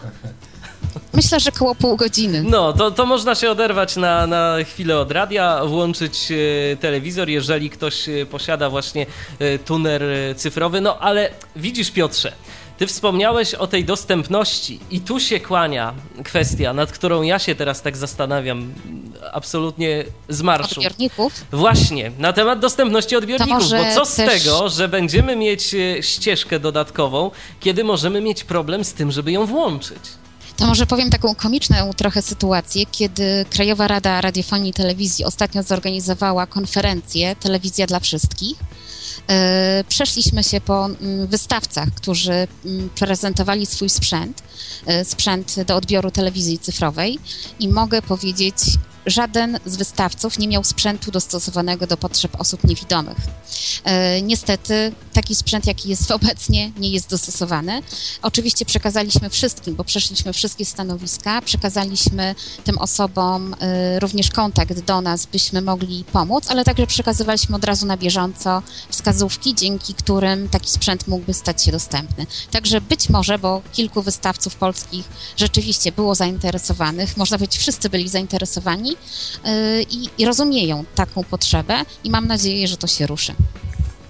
To ja teraz mam jeszcze pytanie do Ciebie, Basiu, takie, żebyś nam wyjaśniła, o jaki rodzaj dostępności tej technicznej chodzi, bo na przykład wiemy, że na rynku są powiedzmy udźwiękowione e, piloty uniwersalne do telewizorów, mogłyby służyć także do obsługi jakichś tam tunerów cyfrowych i tak dalej, dekoderów, ale czy to wystarczy, czy to jest coś więcej? E, Co trzeba zrobić na przykład dzisiaj, żeby osoba niewidoma, nawet jak nie będzie sama w stanie, żeby wiedziała o co poprosić rodzinę, jakby chciała obejrzeć serial z audiodeskrypcją? E, do odbioru telewizji cyfrowej musimy już uwzględniać zarówno wszystkie pomocy, jakie mają osoby widzące w korzystaniu z telewizji cyfrowej, takie jakby chociażby przewodniki. E, te przewodniki wszystkie po programach, które mówią o tym, e, o technicznych parametrach chociażby danego programu, one mają być udźwiękowione. To ma być tak zwane głosowe menu, po którym osoba niewidoma będzie w stanie się poruszać. Dodatkowo również urządzenia powinny być na tyle dostępne, dostępne, chociażby klawiatura, sama klawiatura, tak żeby każda osoba mogła wiedzieć, e, z czego może z tej, na, e, z jakich klawiszy, jakich funkcji może skorzystać na pilocie. Możemy tutaj porównać chociażby to do urządzenia, tak jak w BookSense. Mamy tryb pomocy, gdy wejdziemy, żeby dany klawisz nas poinformował, do czego służy. Żeby nie było to non-stop, żeby ten pilot nam mówił o danej funkcji, ale tylko w przypadku, kiedy tego potrzebujemy. Również zaznaczenie takich y, bardzo ważnych klawiszy na pilocie y, jest też dosyć ważne, żeby to dotykowo móc wyczuć. No tak, ale y, chyba Piotrowi o co innego nieco chodziło, mianowicie bardziej chyba o to, co należałoby by zrobić dziś? E, jeżeli osoba niewidoma będzie chciała sobie obejrzeć ten e, film z audiodeskrypcją e, po godzinie 22.35, o co będzie musiała poprosić okay. kogoś na przykład, żeby co, żeby co ktoś zrobił? Żeby z menu wybrał dodatkową ścieżkę audio. Ze względu na to, że audiodeskrypcja będzie emitowana jako dodatkowa fonia w filmie, więc z menu, tak jak się wybiera napisy, na przykład dla osób niesłyszących, to będzie trzeba wybrać dodatkową ścieżkę audio. Zresztą tak a propos napisów, to teraz kojarzę, że przeciwieństwie do audiodeskrypcji, nie pamiętam teraz od którego roku, ale serwisy z napisami dla osób niesłyszących, y, Telewizja Polska, no, już od kilku ładnych lat, y, chyba za pomocą tele, teletekstu tak, y, dokładnie. przedstawiała. To też. No. To też, ale jest oddzielny kanał też, w którym są nadawane napisy. Więc teraz, I no... podobnie ma być również kanał przeznaczony do audiodeskrypcji. Właśnie w ten sposób, że wybieramy dodatkową ścieżkę, możemy słyszeć ścieżkę, dźwię ścieżkę dźwiękową filmu. Mam nadzieję, że to, telewizja zrobi to w ten sposób, że jednak film będzie widoczny yy, razem z audiodeskrypcją. Miejmy nadzieję, że tak będzie i miejmy nadzieję, że będzie e, wszystko w porządku. No sam jestem ciekaw, jak e, dziś ten materiał zostanie wyemitowany. Postaram się sprawdzić. Piotrze, czy jeszcze jakieś może pytania do naszego gościa? Wydaje mi się, że powinniśmy dać szansę jeszcze innym zabraniach no właśnie, bo tu, bo, tu czasu, bo tu czasu coraz mniej, aczkolwiek jeszcze trochę go mamy. Basiu, czy jeszcze może coś e, dla słuchaczy Tyflo Podcastu? Bardzo, coś tak. coś ciekawego bardzo chciałabyś zaprosić powiedzieć? wszystkich, e, wszystkie osoby niewidome, słabowidzące, które nie korzystają ze sztuki, chociażby z tego względu, że e, była niedostępna, by zaczęły się pojawiać w placówkach, w instytucjach kulturalnych, bo kiedy instytucje kulturalne nie widzą takiej potrzeby, by, że osoby niewidome chcą korzystać z tej dostępnej kultury, e, to też brakuje takiego otwarcia z tych e, placówek. Mam nadzieję, że sami jesteśmy w stanie sprawić, by te instytucje dostrzegły tą potrzebę, i, a naprawdę są w stanie zrozumieć i rozumieją, mm, że chcemy i możemy korzystać z kultury. I to się y, powtarza to, co powiedział Jacek y, Zadrożny przy okazji dostępności stron internetowych, że tak naprawdę sami zainteresowani muszą y, wyjść naprzeciw wszelkiego rodzaju instytucjom, organizacjom powiedzieć, czego tak naprawdę oczekują. To nie jest zła wola y, tych osób, tylko nie każdy jest alfą i omegą, nie każdy zna potrzeby wszystkich. Grunt to, grunt to dialog tak naprawdę. No i oczywiście przy okazji zapraszam bardzo serdecznie na pierwszą audycję. E, będzie ta audycja Obrazy słowem malowane, radiowe spotkania z audiodeskrypcją nie tylko dla najmłodszych, która odbędzie się już w tą sobotę o godzinie 15.30. Będzie ją można wysłuchać na antenie Radia Białystok, a dodatkowo będzie można ją także wysłać w internecie na stronie radia i na naszej stronie fundacji również będą odnośniki do tej audycji. To jeszcze dla porządku podajmy może adres strony fundacji.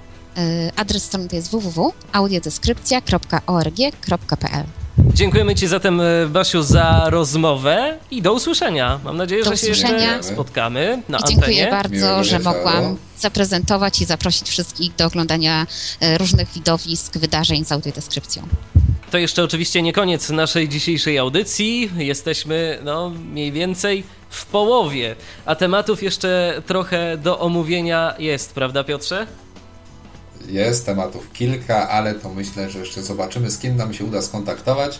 Kto do nas zadzwoni, zobaczymy, jak rozmowa potoczy się dalej. Zatem póki co zapraszamy na chwilę muzycznego wytchnienia. Wracamy do Was za moment. Dziś mówimy o dostępności na antenie Radia N w audycji Tyflo Podcast w Radiu N. Zostańcie z nami.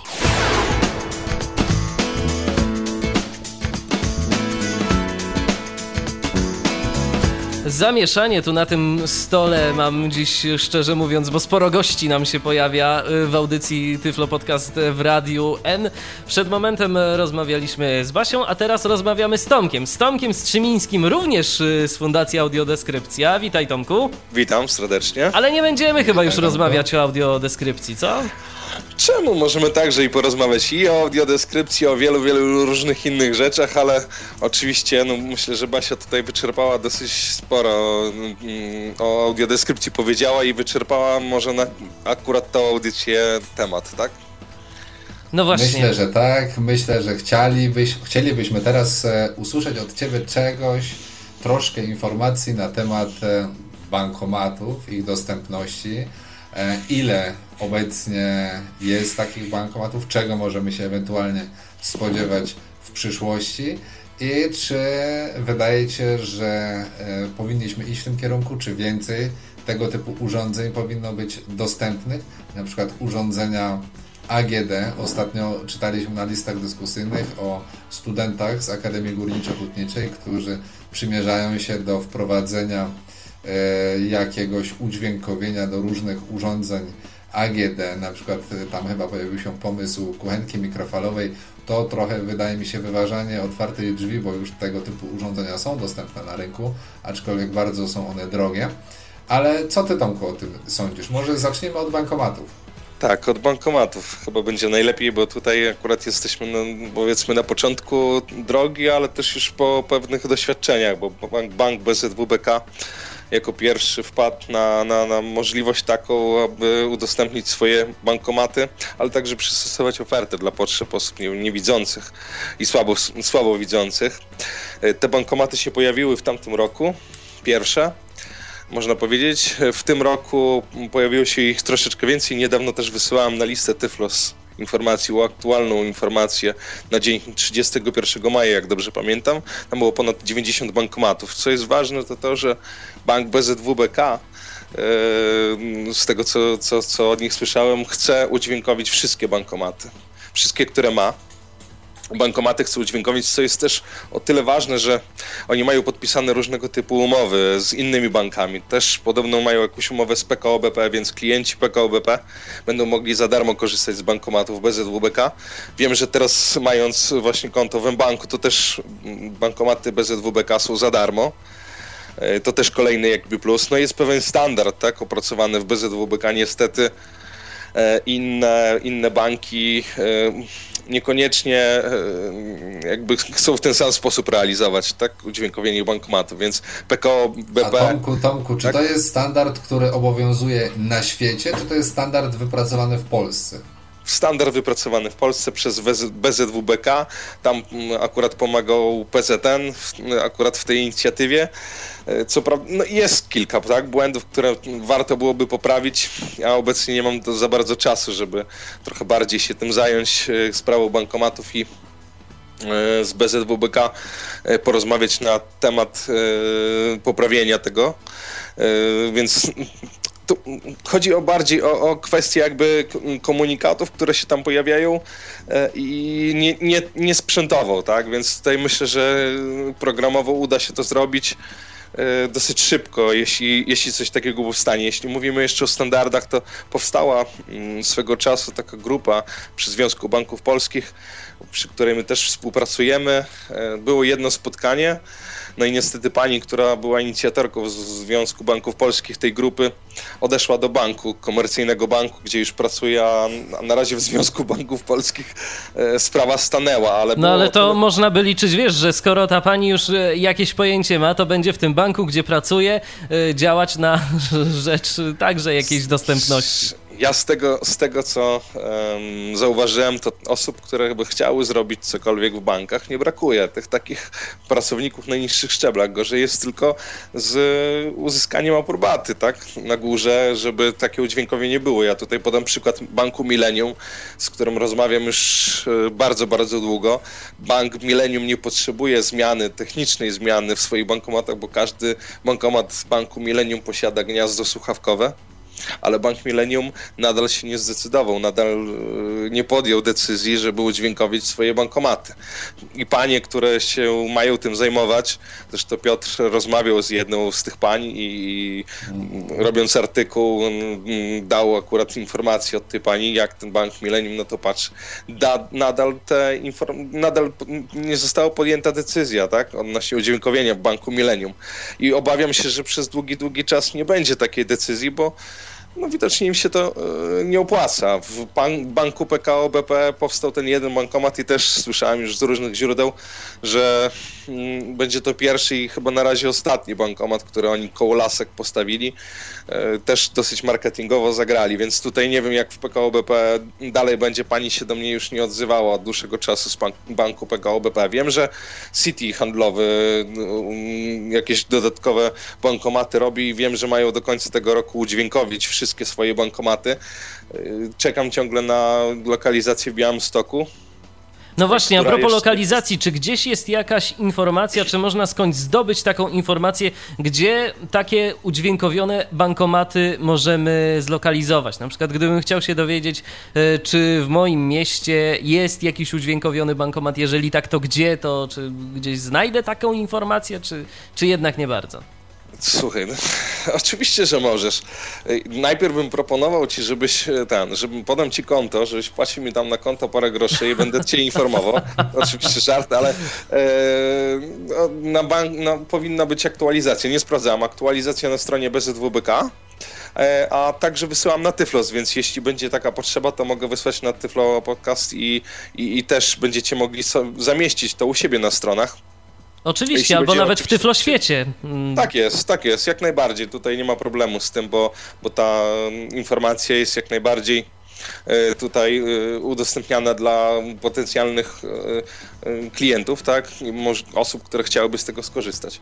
Więc tu pod tym względem jak najbardziej prześlę i tutaj myślę, że poprzez właśnie wasze kontakty uda się udostępnić tą listę dla większej liczby osób potencjalnie Super, zainteresowanych. Tak? Dziękujemy Ci Tomku, a powiedz nam teraz e, osoby, które pierwszy raz w tym momencie słyszą o udźwiękowionych bankomatach. E, opisz nam, jak to działa.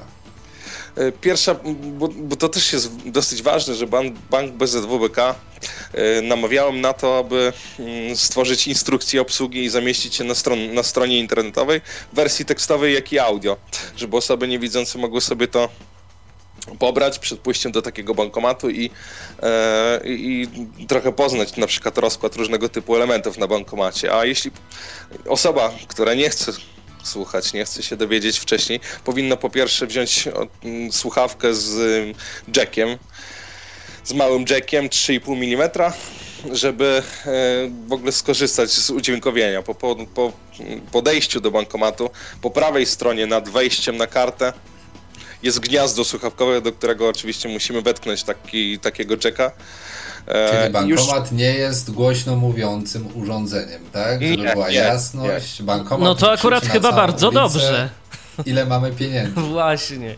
E, tak, jak najbardziej. Tutaj też różnicą BZWBK jest, e, od, w odróżnieniu od BZWBK bankomaty różnią się tym od tego bankomatu PKO BP, że po połączeniu e, jacka, czyli tej słuchawki, e, ekran się nie wygasza jest ciągle zapalony. W, w City handlowym, z tego co słyszałem, e, to będzie możliwość wyboru, czy chcemy wyłączyć wyświetlacz, czy, czy chcemy pozostawić, żeby on nadal się świecił, wyświetlał te różnego typu informacje, więc jak do, już wetkniemy słuchawkę do um, jacka raczej, do, do, do gniazda, usłyszymy pierwszy komunikat, y, który będzie informował nas, żeby przycisnąć jedynkę. E, to tak jakbyśmy wybierali język polski, angielski, tak? Więc przyciskamy jedynkę, później mamy w następnym kroku informację, żeby, żebyśmy wpisali PIN. No już później e, podstawowe kroki, tak jak zwyczajnie w bankomacie, jeśli chcemy wypłacić, to naciskamy wypłatę. E, nie, PIN najpierw wpisujemy, później naciskamy wypłatę, później wpisujemy kwotę tej wypłaty, no i rachunek, tak? Jeśli chcemy, potwierdzamy i dokonujemy już jakby pobrania tych, tych środków z bankomatu. Tak to wygląda w BZWBK. Komunikaty są nagrane przez człowieka, przez właśnie osobę, która była bardzo mocno zaangażowana w BZWBK udźwiękowieniem bankomatów. Yy, starałem się też im, jakby proponowałem nawet, żeby to człowiek akurat mówił z tego względu, że będzie dużo szybciej i lepiej w przyszłości wymienić na przykład różnego typu komunikaty, tak? Bo mm, wiadomo, jakby to był głos lektora, no to później by były różnego typu opory, na przykład w banku, że trzeba zmieniać komunikat, a trzeba znowu zapłacić dla lektora i tak dalej, i tak dalej. Więc można byłoby zastosować syntezy mowy, ale to są też koszta. E, to są też koszta i tam wiadomo, z licencjami może być różnie, wykorzystanie tego i tak dalej, i tak dalej, ale myślę, że ten, że, że jeśli z własnymi siłami oni potrafią to zrobić, a umówmy się, że tam nie trzeba aż takiego świetnego, nie wiem, głosu lektorskiego, chociaż mi dostałem na samym początku pytanie, jaki głos osoby niewidzące znanego lektora, jaki znają, ale myślę, że komunikat jest ważnym, komunikat, ten, ten, ten merytoryczny komunikat w tym bankomacie, a nie sam głos. Jeśli człowiek nie ma jakiejś dużej wady wymowy, czy w ogóle wady wymowy, no to się nadaje jego głos, tak, do, do, do takich urządzeń jak właśnie bankomaty. Ja myślę, że teraz, skoro już tak wyczerpująco nam opowiedziałeś o bankomatach, Powiedz mi, bo skądinąd wiem, że interesujesz się mm, dostępnością komunikacji miejskiej, komunikacji publicznej. O co tak naprawdę chodzi? Y, ja niedawno miałem okazję posłuchać bardzo e, ciekawej wypowiedzi na temat dostępności komunikacji ale... Właśnie nawet autor tej wypowiedzi miał się połączyć z nami, ale zdaje się ma jakieś problemy techniczne, niestety związane z połączeniem. Że nie dojechał. To zna... No, nie dojechał, nie może się połączyć, niestety. Komunikacja, ale telekomunikacja nas zawodzi. Jasne, z komunikacją. O co chodzi, o co chodzi w tej dostępności? Czy są też i e, same osoby niewidzące e, tutaj pokazują jakby dwie możliwości, czyli możliwość uruchamiania komunikatów, e, komunikatów głosowych poprzez pilot i komunikatów głosowych nieuruchamianych przez pilot. Tak? Ja jestem zwolennikiem akurat komunikatów głosowych nieuruchamianych przez żaden pilot, z tego względu, że ja nie odbieram udźwiękowienia komunikacji miejskiej jako e, udźwiękowienia tylko dla osób niewidzących czy słabowidzących. Ja patrzę na to dużo szerzej i cieszę się z tego, że urzędnicy w Białymstoku też na to tak popatrzyli, czyli że z udźwiękowienia komunikacji miejskiej skorzystają zarówno osoby starsze, seniorzy, zarówno osoby, które przyjadą do Białego Stoku, czy to turystycznie, czy, czy na przykład studenci, którzy No właśnie, bo powiedzmy, zaczynają. że przecież takie udźwiękowienie to nie musi musi być przydatne tylko dla osób niewidomych, to jest e, przydatne dla każdego, no kto na przykład nie chce gdzieś tam się rozglądać na jakiejś tablicy,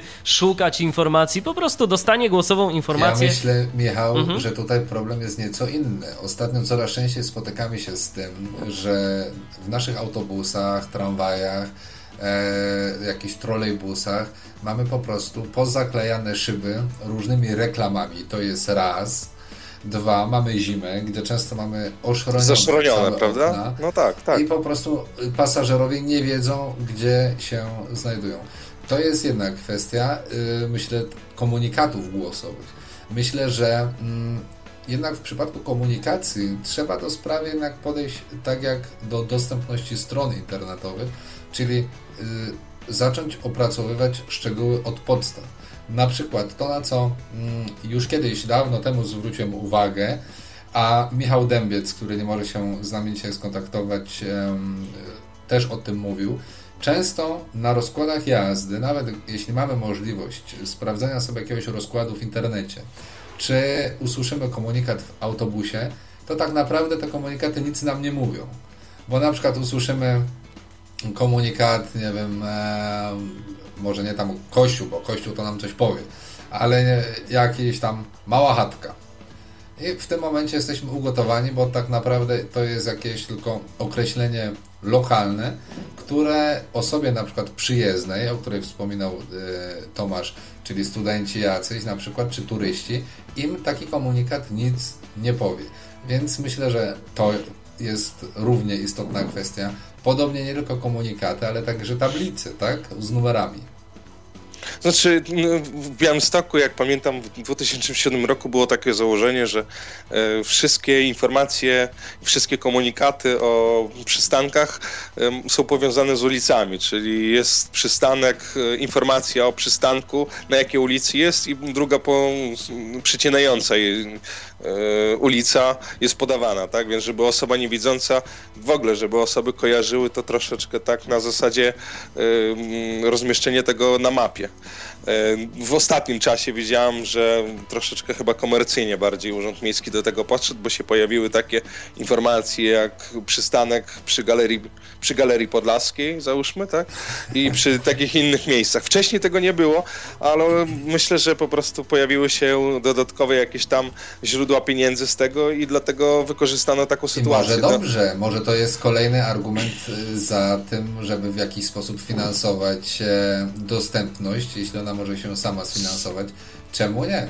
To znaczy, ja nie neguję, bo nie neguję te, czegoś takiego, bo wolę, żeby komunikaty posiadały różnego te, typu informacje e, na rzecz na przykład odsłoniętych e, szyb tak, w autobusach, które często były za, za, zarzucone różnymi reklamami. Tak samo u nas akurat jest taki, kilka takich przypadków, w których e, jakieś podmioty komercyjne wyremontowały na przykład drogi i za to, że wyremontowały drogi czy przystanki, no to dostały akurat nazwy tych, tych przystanków. Oczywiście przy nich się znajdują ich siedziby, tak? Więc dlatego, dlatego to zostało tak nazwane. U nas jest akurat wykorzystywany syntezator mowy Iwona, więc y, y, wcześniej były takie y, chciał Urząd Miejski coś takiego wprowadzić, żeby nawet puszczać reklamy syntezatorem mowy. Ale już ludzie niestety, pasażerowie autobusów stwierdzili, że to już jest jednak przesyt Ponad ich siły. Ale to tak. chciałbym zauważyć, że dotykamy jednej kwestii, a są jeszcze inne rzeczy związane z, dos- z tą dostępnością komunikacji, bo no mi się przypomina y, taka sytuacja, jaką miałem, y, z jaką miałem do czynienia w Krakowie.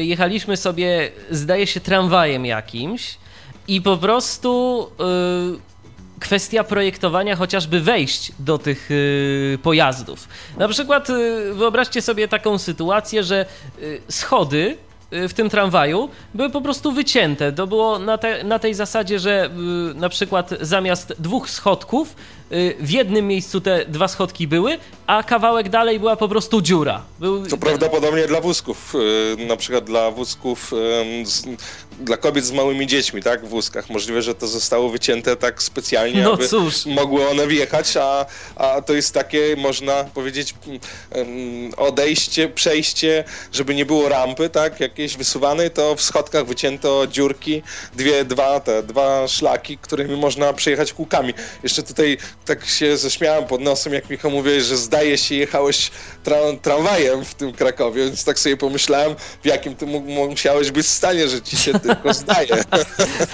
Nie pamiętam po prostu, co to było, ale to był, zdaje się, tramwaj. Więc takie sytuacje są. Oczywiście to jest olbrzymi problem. To tak samo jak ja w 2007 roku e, w komunikacji miejskiej, bo ja jestem dosyć, dosyć wysoką osobą, miałem do, duży problem z poręczami. E, w niektórych autobusach poręcze były na takiej wysokości, że po prostu wchodziłem i zaraz głową mm, zaczepiałem się za tą poręcz, tak? Miałem bliskie spotkanie z poręczą, a w niektórych autobusach to, ja nie wiem, musiałbym chyba mieć dwa, ponad dwa metry, e, żeby sięgnąć do tej poręczy. I tutaj jest dosyć duży problem, tak samo nie, nie, nie zrobienie mm, pewnego standardu w oznakowaniu kolorystycznym tych poręczy, bo zdarzały się u nas w Białymstoku i czarne poręcze i czerwone poręcze. Dopiero później, kiedy e, z urzędnikami trochę tutaj rozmawialiśmy, właśnie przy okazji udźwiękowienia mówiliśmy także o o zastosowaniu koloru dla poręczy odpowiedniego, czyli żółtego. Tak samo y, zrobieniu tak, aby te poręcze były w odpowiednich miejscach i na odpowiedniej wysokości, bo na przykład w autobusach tutaj kryptoreklamy mogą użyć, nie? No proszę bardzo.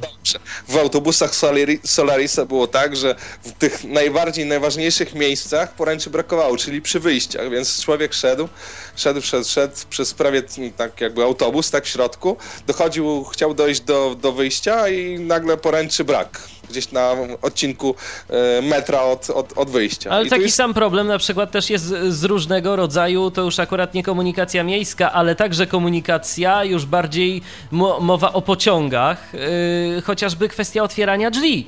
No przecież yy, i zresztą w autobusach też chyba to jest, bo teraz wprowadza się te przyciski, prawda? Tak to jest, jest. No, tak to jest, jest, też różnie. W autobusach, w tramwajach. Mhm. Tak jest. To jest, jak się nie przyciśnie, to się nie otworzy. I to nie jest tylko problem zewnętrzny, czyli stoimy na przystanku przystanku podjeżdża nam autobus i musimy włączyć coś, żeby nam się uruchomiło. Ja to samo miałem w Poznaniu, kiedy yy, chciałem wyjść i kurczę, musiałem przycisnąć przycisk i tak się zastanawiałem, sorry, ale to coś tutaj jest chyba nie w porządku, kiedy ja mam yy, chodzić i szukać tego przycisku, yy, który nie wiem, czy on będzie ten przycisk służył do włączenia y, lampki u kierowcy, że to jest przystanek na żądanie, czy to jest y, uruchamianie samych drzwi, tak? I to no, jest jakiś problem, to więc... Jeszcze, jeszcze jest tutaj pół biedy, bo miałeś jakiś przycisk, ale nie mniej istotnym problemem są przyciski dotykowe, które znajdują się na tramwajach i które dla osób e, słabowidzących, o których tutaj coś za mało mówimy i zaraz będzie trzeba więcej powiedzieć, um,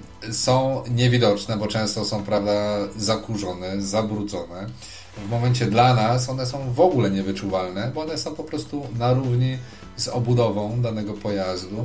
No i wtedy jesteśmy ugotowani. Jeśli jakaś dobra dusza nie otworzy nam drzwi od e, wewnątrz, jeśli nikogo nie ma na przystanku, no to możemy przepuścić nie jeden tramwaj czy autobus. Owszem, ja tak sobie myślę, że fajnie by było, żeby taki jeden pilot posiadał wszystkie funkcje i otwierał nam wszystkie drzwi, tak, do urzędów, do autobusów, do mm, mm tramwajów, do pociągów, tylko jest problem z prowadzeniem tego tak naprawdę, bo każda spółka, tak jak mamy dość, przecież doświadczenie z tym metrem warszawskim. E, metro warszawskie, chociaż już jest informacje od Ministerstwa Infrastruktury, jak powinno się zrobić, wszystko jest opisane. Metro warszawskie nadal jakoś tam się e, wstrzymuje z tymi pracami, chociaż ostatnio była informacja, że już wprowadzają, będą harmonogram zamykania stacji, żeby je przebudowywać. Tylko jest u nas chyba w Polsce taki duży dosyć problem z wprowadzaniem różnego typu standardów. Ministerstwo Infrastruktury E, chce niby dobrze zrobić, tylko jak e, dochodzi co do czego, no to zawsze czegoś brakuje, tak? Myślę, że to jest jakiś tam związek pewnie z pieniędzmi, bo e, jeśli byłoby pieniędzy wystarczająco na wszystko, no to pewnie nikt by się tam nie zastanawiał, tak? Tylko by się po prostu robiło, byłoby to opracowane i...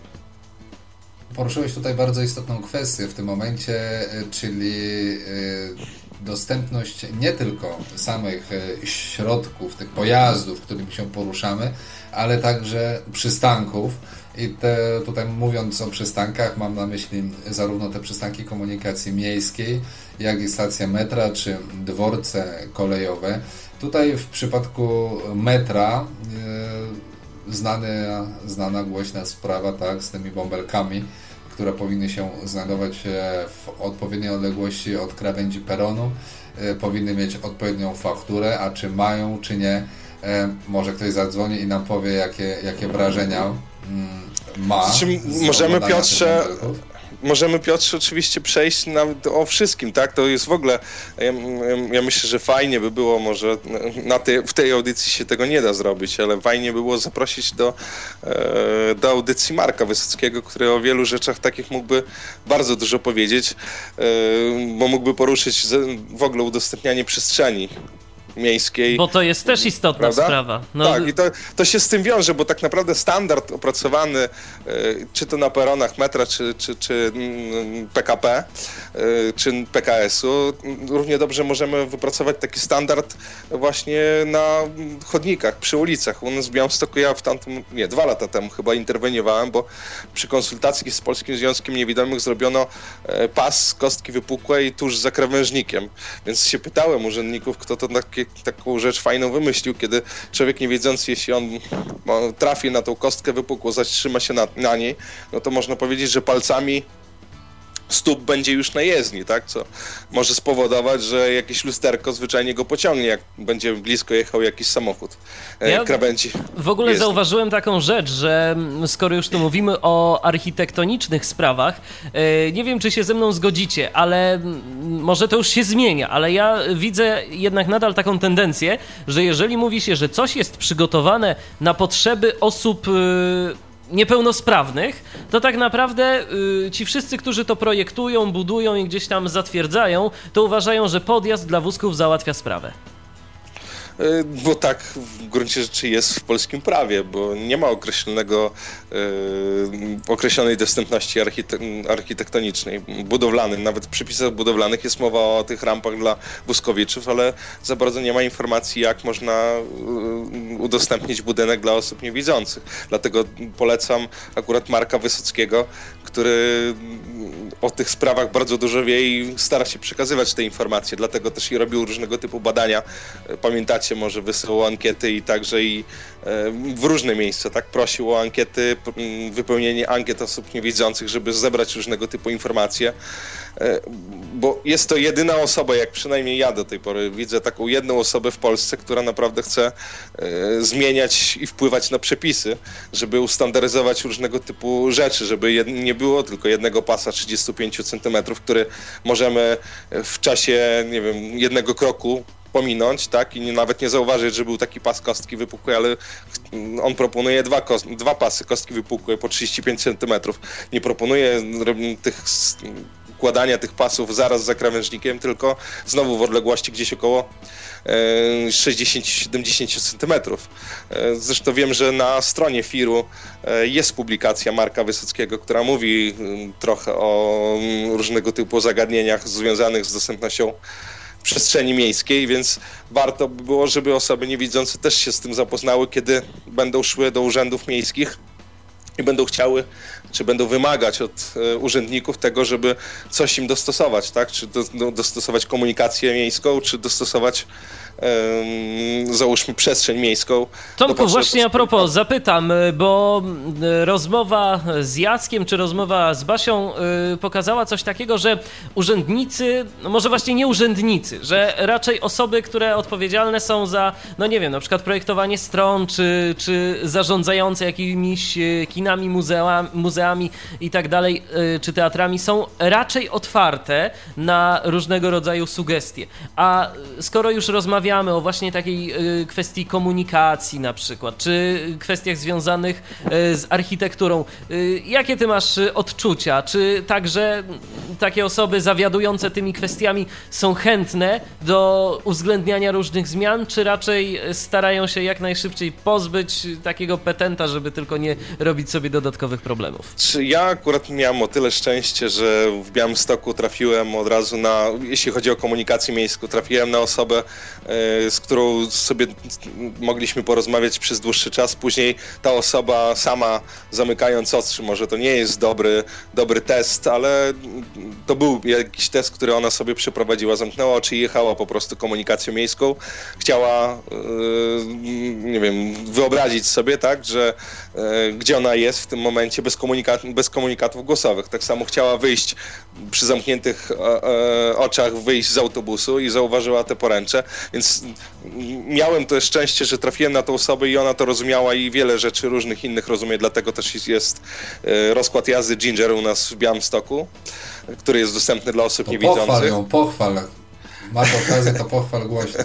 Właśnie. E, Bogusława Porkopa, tak? Czyli dyrektora, który wcześniej był kierownikiem, ale teraz jest dyrektorem i na różnego typu sugestie jest otwarty. Tak samo, no nie wiem, teraz może nie do końca dopracowali projekt e, informacji pasażerskiej, ale jest szansa na to, że e, to się poprawi. Co prawda jestem trochę mm, może niezadowolony z tego, z tych informacji, które ostatnio od niego uzyskałem, bo jak mu powiedziałem o tych błędach, które tam są, czy może niedoskonałościach tego systemu na razie, bo on jest w, w wersji testowej, to powiedział, że no, panie Tomku, na pewno pan będzie nas pilnować, żeby to było dobrze, więc to może wolałbym, żeby oni sami dochodzili do, e, po kilku tam informacjach, do, zrobili to sami, a nie żebym musiał ja, tak, pilnować tego, żeby, żeby to zostało zrobione. Znowu tak a propos, panie Tomku, ja chciałbym zauważyć, że czas nas, y, nasz nie jest z gumy i jeszcze być może ktoś by chciał do nas zadzwonić, więc y, może jeszcze Tomku jakiś takich kilka słów podsumowania,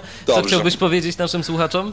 To nie, muszę tylko wspomnieć jeszcze o panu Januszu Ostrowskim, który też jest u nas dyrektorem, z którym też mam dosyć dobry kontakt i co jest ważne, on e, i proponuje tutaj wszystkim które, osobom, które chciałyby się kontaktować z urzędnikami, żeby zaczynać próbować od dyrektorów, a dyrektorzy mogą wpłynąć na projektantów, bo nie, trzeba sobie zdać sprawę, że sami urzędnicy e, nie są osobami decyzyjnymi do końca, tak? Oni mogą e, różnego typu rzeczy zrobić i tak na przykład dyrektor jakiś tam może powiedzieć dla projektantów przejść, czy e, chodników, czy nie wiem, jeszcze czegoś tam innego, powiedzieć słuchajcie, ma być to i to, tak i tak i, i może im wskazać, to projektanci co zaprojektują, jeśli to jest projekt, będzie to, pójdzie to, to do realizacji, nie wiem, do specyfikacji przetargowej i jak będzie przetarg, firma to wygra, to będzie musiała coś takiego zrobić, więc e, ogromną rolą jest to, przynajmniej ja to tak widzę, że nie możemy skupiać się tylko na jednej osobie, czy na jakimś dyrektorze, czy kierowniku, czy tym,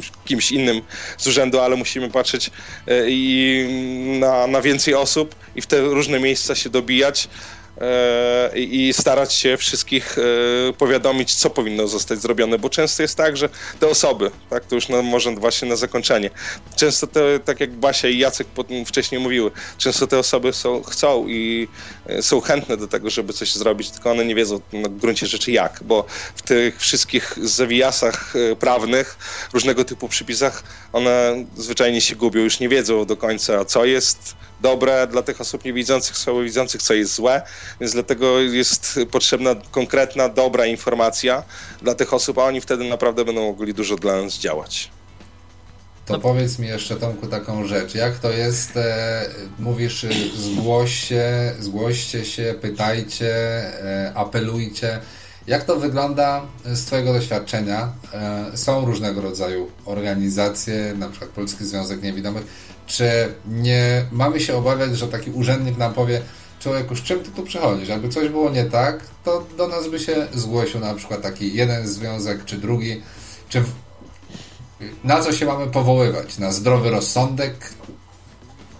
Znaczy ja, w mojej sytuacji było tak, że ja w pewnym okresie swojego życia e, chciałem nawet z Polskim Związkiem Niewidomych coś zrobić, tylko spotkałem się z ogromną barierą e, u, u, osób w związku, tak, więc musiałem działać sami. Jako osoba prywatna sporo różnych rzeczy zrobiłem, ale owszem, doszedłem do takiego momentu, w którym e, w niektórych miejscach nie mogłem rozmawiać już jako osoby prywatne. Dlatego też powstała fundacja Audiodeskrypcja, żeby, żeby była organizacja, którą którą będę reprezentować i będę mógł dalej iść.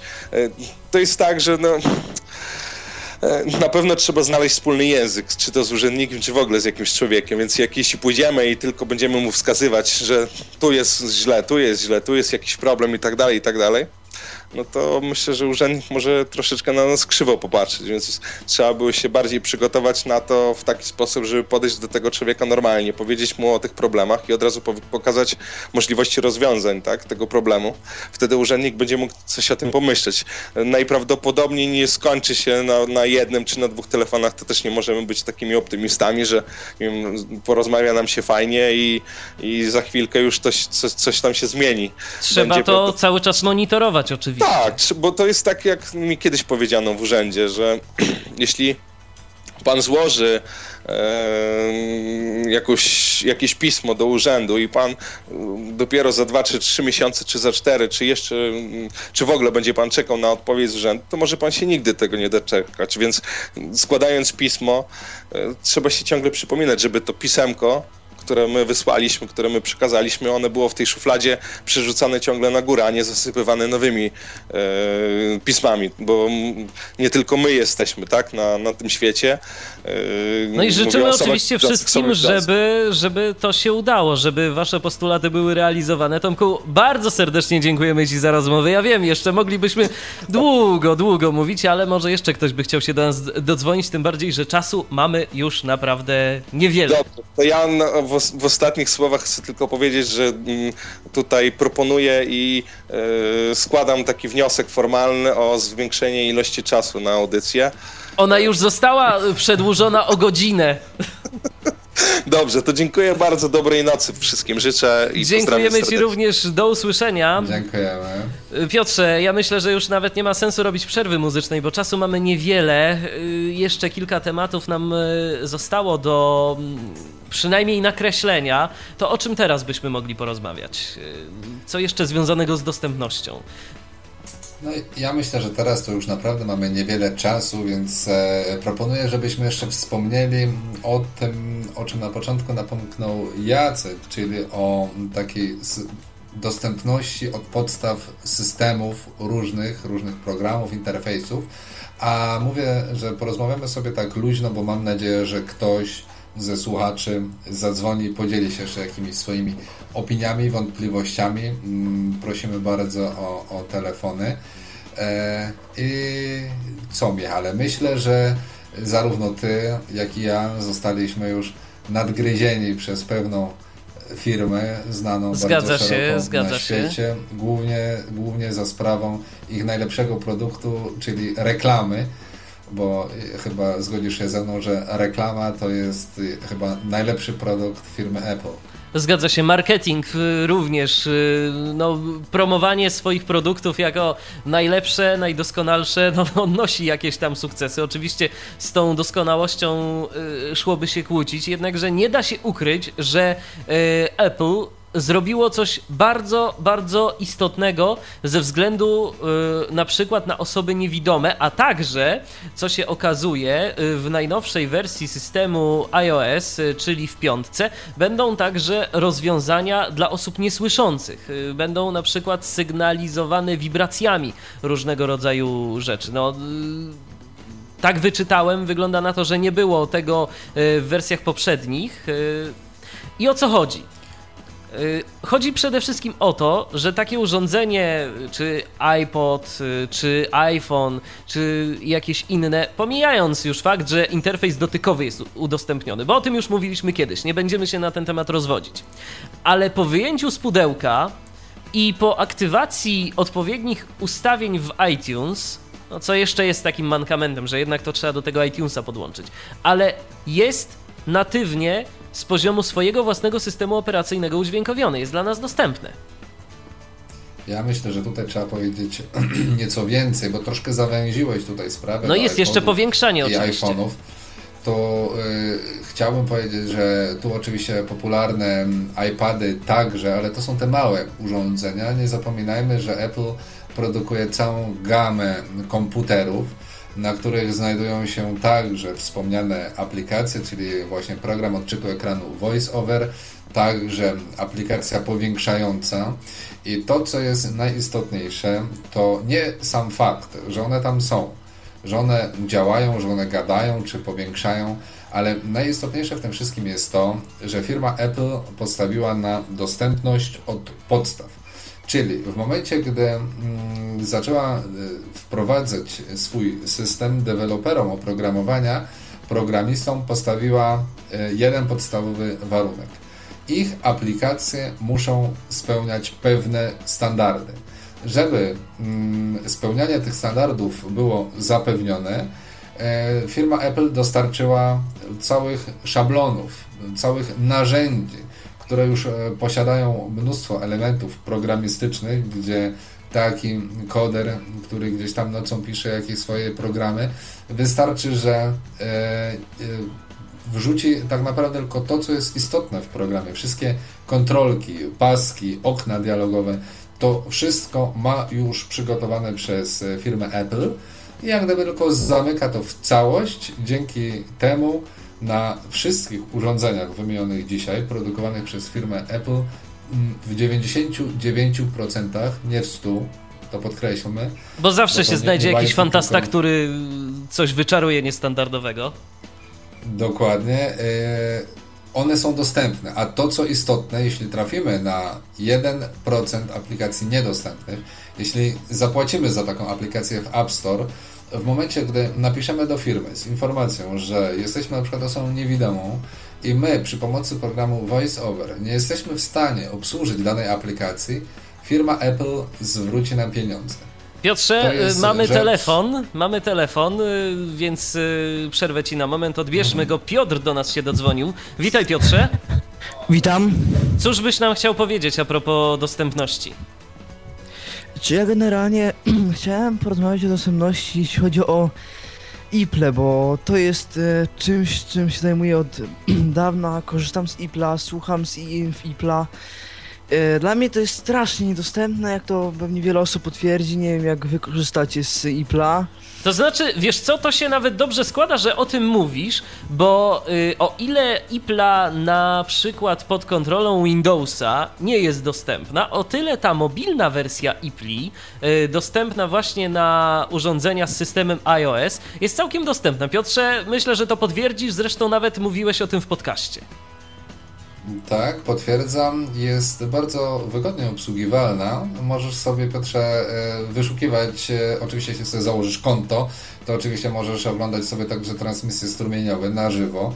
Czyli tak gdyby e, w urządzeniu dostajesz e, cyfrową platformę, gdzie zamiast korzystać z jakichś tam łącz satelitarnych, dekoderów, korzystasz sobie po prostu z aplikacji IPLA, która tak jak mówisz, na komputerach PC niestety jest niedostępna. To jest najlepszy właśnie przykład braku dostępności na komputerze PC, za który przykładowo musimy zapłacić powiedzmy niech tam 2000 zł plus Czytnik program ekranu. odczytu ekranu za następne parę tysięcy, gdzie w takim urządzeniu za niespełna 1000 zł e, od firmy Apple e, ta mm, IPLA jest I dostępna. co ciekawe, no to jeśli- przecież to jest ten sam program. To są ci sami programiści, którzy no po prostu nie zrobili tej dostępności pod Windowsem, bo nie wiedzieli jak to zrobić, a y, dostali jednak pewne narzędzia od y, pana Jobsa i całej reszty, no i już y, są w stanie sobie z tym poradzić. No właśnie powiem tak, ja, ja, ja dzwonię do...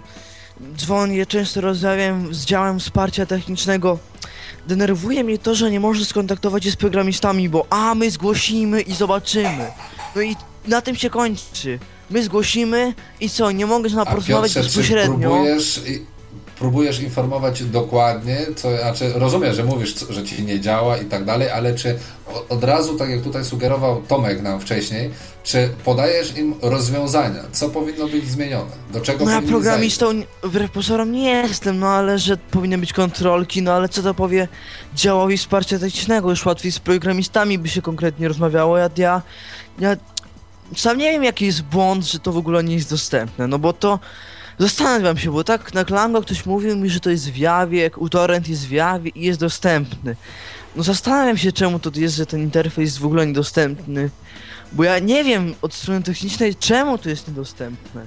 Właśnie i tu y, także jest problem, o którym ja już wspominałem, że użytkownicy oprogramowania nie mają takiej wiedzy technicznej y, dotyczącej tego, w jaki sposób należałoby mm, no, zgłaszać nawet te błędy. Ale wiesz co, Piotrze, ja nawet myślę, że gdybyś poinformował y, autorów albo, albo wsparcie techniczne nawet o tym dokumencie WCAG, który, jak y, powiedział Jacek, może być używany nie tylko do tworzenia stron internetowych dostępnych, ale także może pomóc y, w korzystaniu z, w tworzeniu dostępnych aplikacji okienkowych. Gdybyś poinformował, Czyli te, to się tak, ten dokument tak nazywa i on się nazywa WCAG 2.0.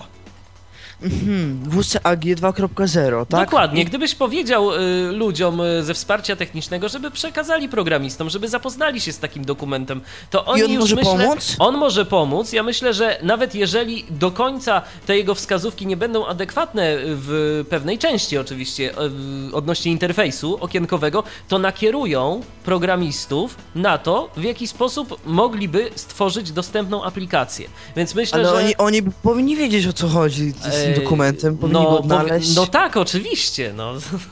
To może... No ja, ja przy myślę, okazji tej dla- dostępności jeszcze chcę powiedzieć o VOD, bo to też jest niedostępne. Akurat tu opisano mi w e, konsultanci Onetu jak to działa. Opisali mi, że to jest po prostu przycisk na planszy prostokątnej. Ja zastanawiałem się jak to zrobić. Mówiłem panu Woskowiczowi, żeby zadzwonił do nich, yy, żeby napisał. Mówił, że coś z tym zrobi, ale pewnie zapomniał, przyznawał pracy, bo yy, czasami wspominałem mu o tym, bo cz- czasami z nim rozmawiam.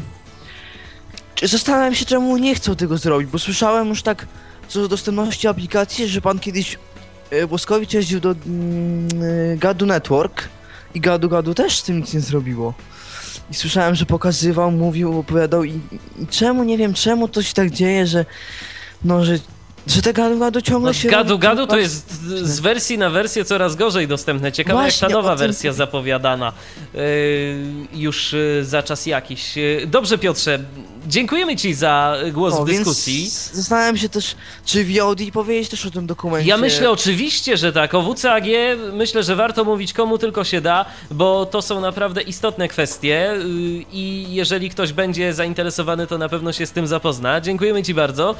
Minuty już tylko zostały do godziny 21. Zatem, Piotrze, jakieś takie podsumowanie, bo tematu nie wyczerpaliśmy. Zrobiliśmy sobie taką ładną notatkę, o czym moglibyśmy rozmawiać, ja, ale. Ja myślę, że o temacie, po temacie to myśmy się tylko prześlizgnęli, ledwie go liznęliśmy. Myślę, że tutaj nawet cały cykl audycji na temat dostępności niewiele by, niewiele by dał.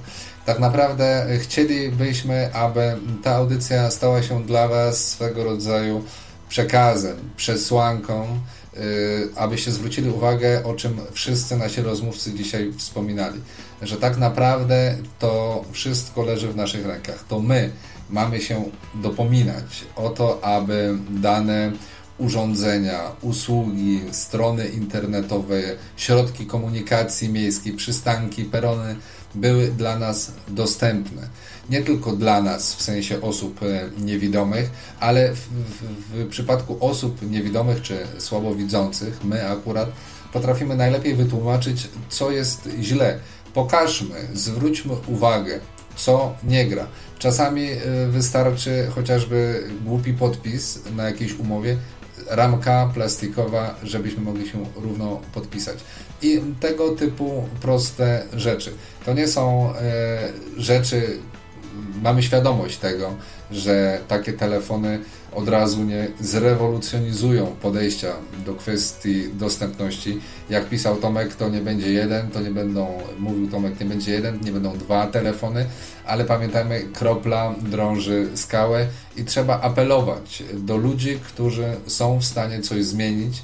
Yy, obojętnie, czy to będą jacyś przedstawiciele jakichś związków, do których należymy, czy to będą e, przedstawiciele organizacji, które organizują dane rzeczy, czy komunikację miejską na przykład, czy cokolwiek innego, czy to będą urzędnicy w naszych miastach, ale starajmy się apelować do nich, aby wreszcie coś się zmieniło. I trzeba być w tym konsekwentnym, bo jeden telefon, jeden mail, jedno pismo niczego nie zmieni.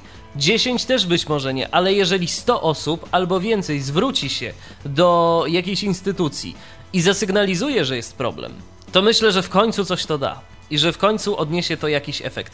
I także jeszcze jedna sprawa, yy, dobrze jest później pilotować te zmiany, bo jeżeli na przykład yy, bo pamiętajmy o jednej rzeczy. Zwrócenie uwagi na jakiś problem w dostępności nie załatwia sprawy, nawet jeżeli ktoś się tym zajmie, bo taka osoba, mimo najszczerszych, najlepszych chęci, bo taka osoba może takie chęci mieć, to jednak może nie do końca rozumieć naszych potrzeb i zrobić coś w ten sposób, co no może niekoniecznie być najlepszym rozwiązaniem. Tak na przykład y, jak była y, moda swego rodzaju na mówiącą przeglądarkę. Y, ja myślę, że nikt w złej wierze nie korzystał z tego rozwiązania. Myślę, że po prostu urzędnicy, którzy decydowali o tym, żeby skorzystać z mówiącej przeglądarki, to robili to w jak najlepszym interesie obywateli. Natomiast problem był taki, no, że takie rozwiązanie nie było dobre, bo wystarczyło stworzyć dostępną stronę i nie byłoby już problemu, a ja zawsze się zastanawiam, jak sobie tak y, przypominam kwestię tej mówiącej przeglądarki, to zastanawiam się zawsze, no dobrze, jest strona, ona mówi, ale jak ten niewidomy ma na tą stronę wejść? No to są rzeczy już, których e, mam nadzieję będzie coraz mniej bo świadomość będzie mm, coraz e, większa.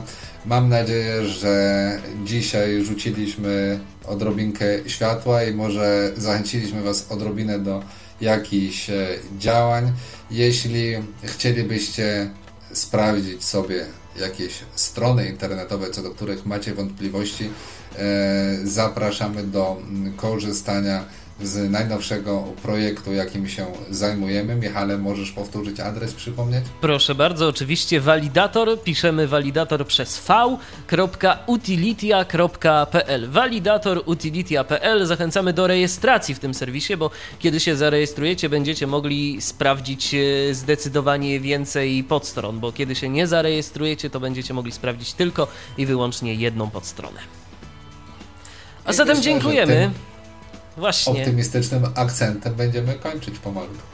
Dokładnie. 21 minęła, kolejny Tyflo Podcast w Radiu N już za tydzień. Oczywiście w Radiu N, na www.radio.nfm, www.radio.npl. Znowu będziemy mówić, miejmy nadzieję, o czymś interesującym. No i przypominamy, dziś o 22.35 e, w programie pierwszym Telewizji Polskiej e, odcinek serialu Tajemnice Twierdzy Szyfrów. Dobrze powiedziałem? Mam tak nadzieję, jest. że dobrze. Pierwszy odcinek z audiodeskrypcją. Tylko i wyłącznie na platformach cyfrowych lub telewizjach kablowych, które transmitują sygnał cyfrowy. No chyba, że już ktoś jest w zasięgu y, nadajników naziemnych telewizji cyfrowej. Jeżeli ktoś jest y, już w takim zasięgu, to także powinien mieć możliwość skorzystania z takiej ścieżki.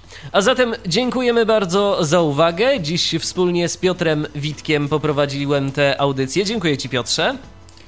Dziękuję również, a Wam życzę miłego wieczoru. A zatem do usłyszenia. Michał Dziwisz, kłaniam się. Spotykamy się za tydzień. Był to Tyflo Podcast. Audycja o technologiach wspierających osoby niewidome i słabowidzące. Audycja współfinansowana ze środków Państwowego Funduszu Rehabilitacji Osób Niepełnosprawnych.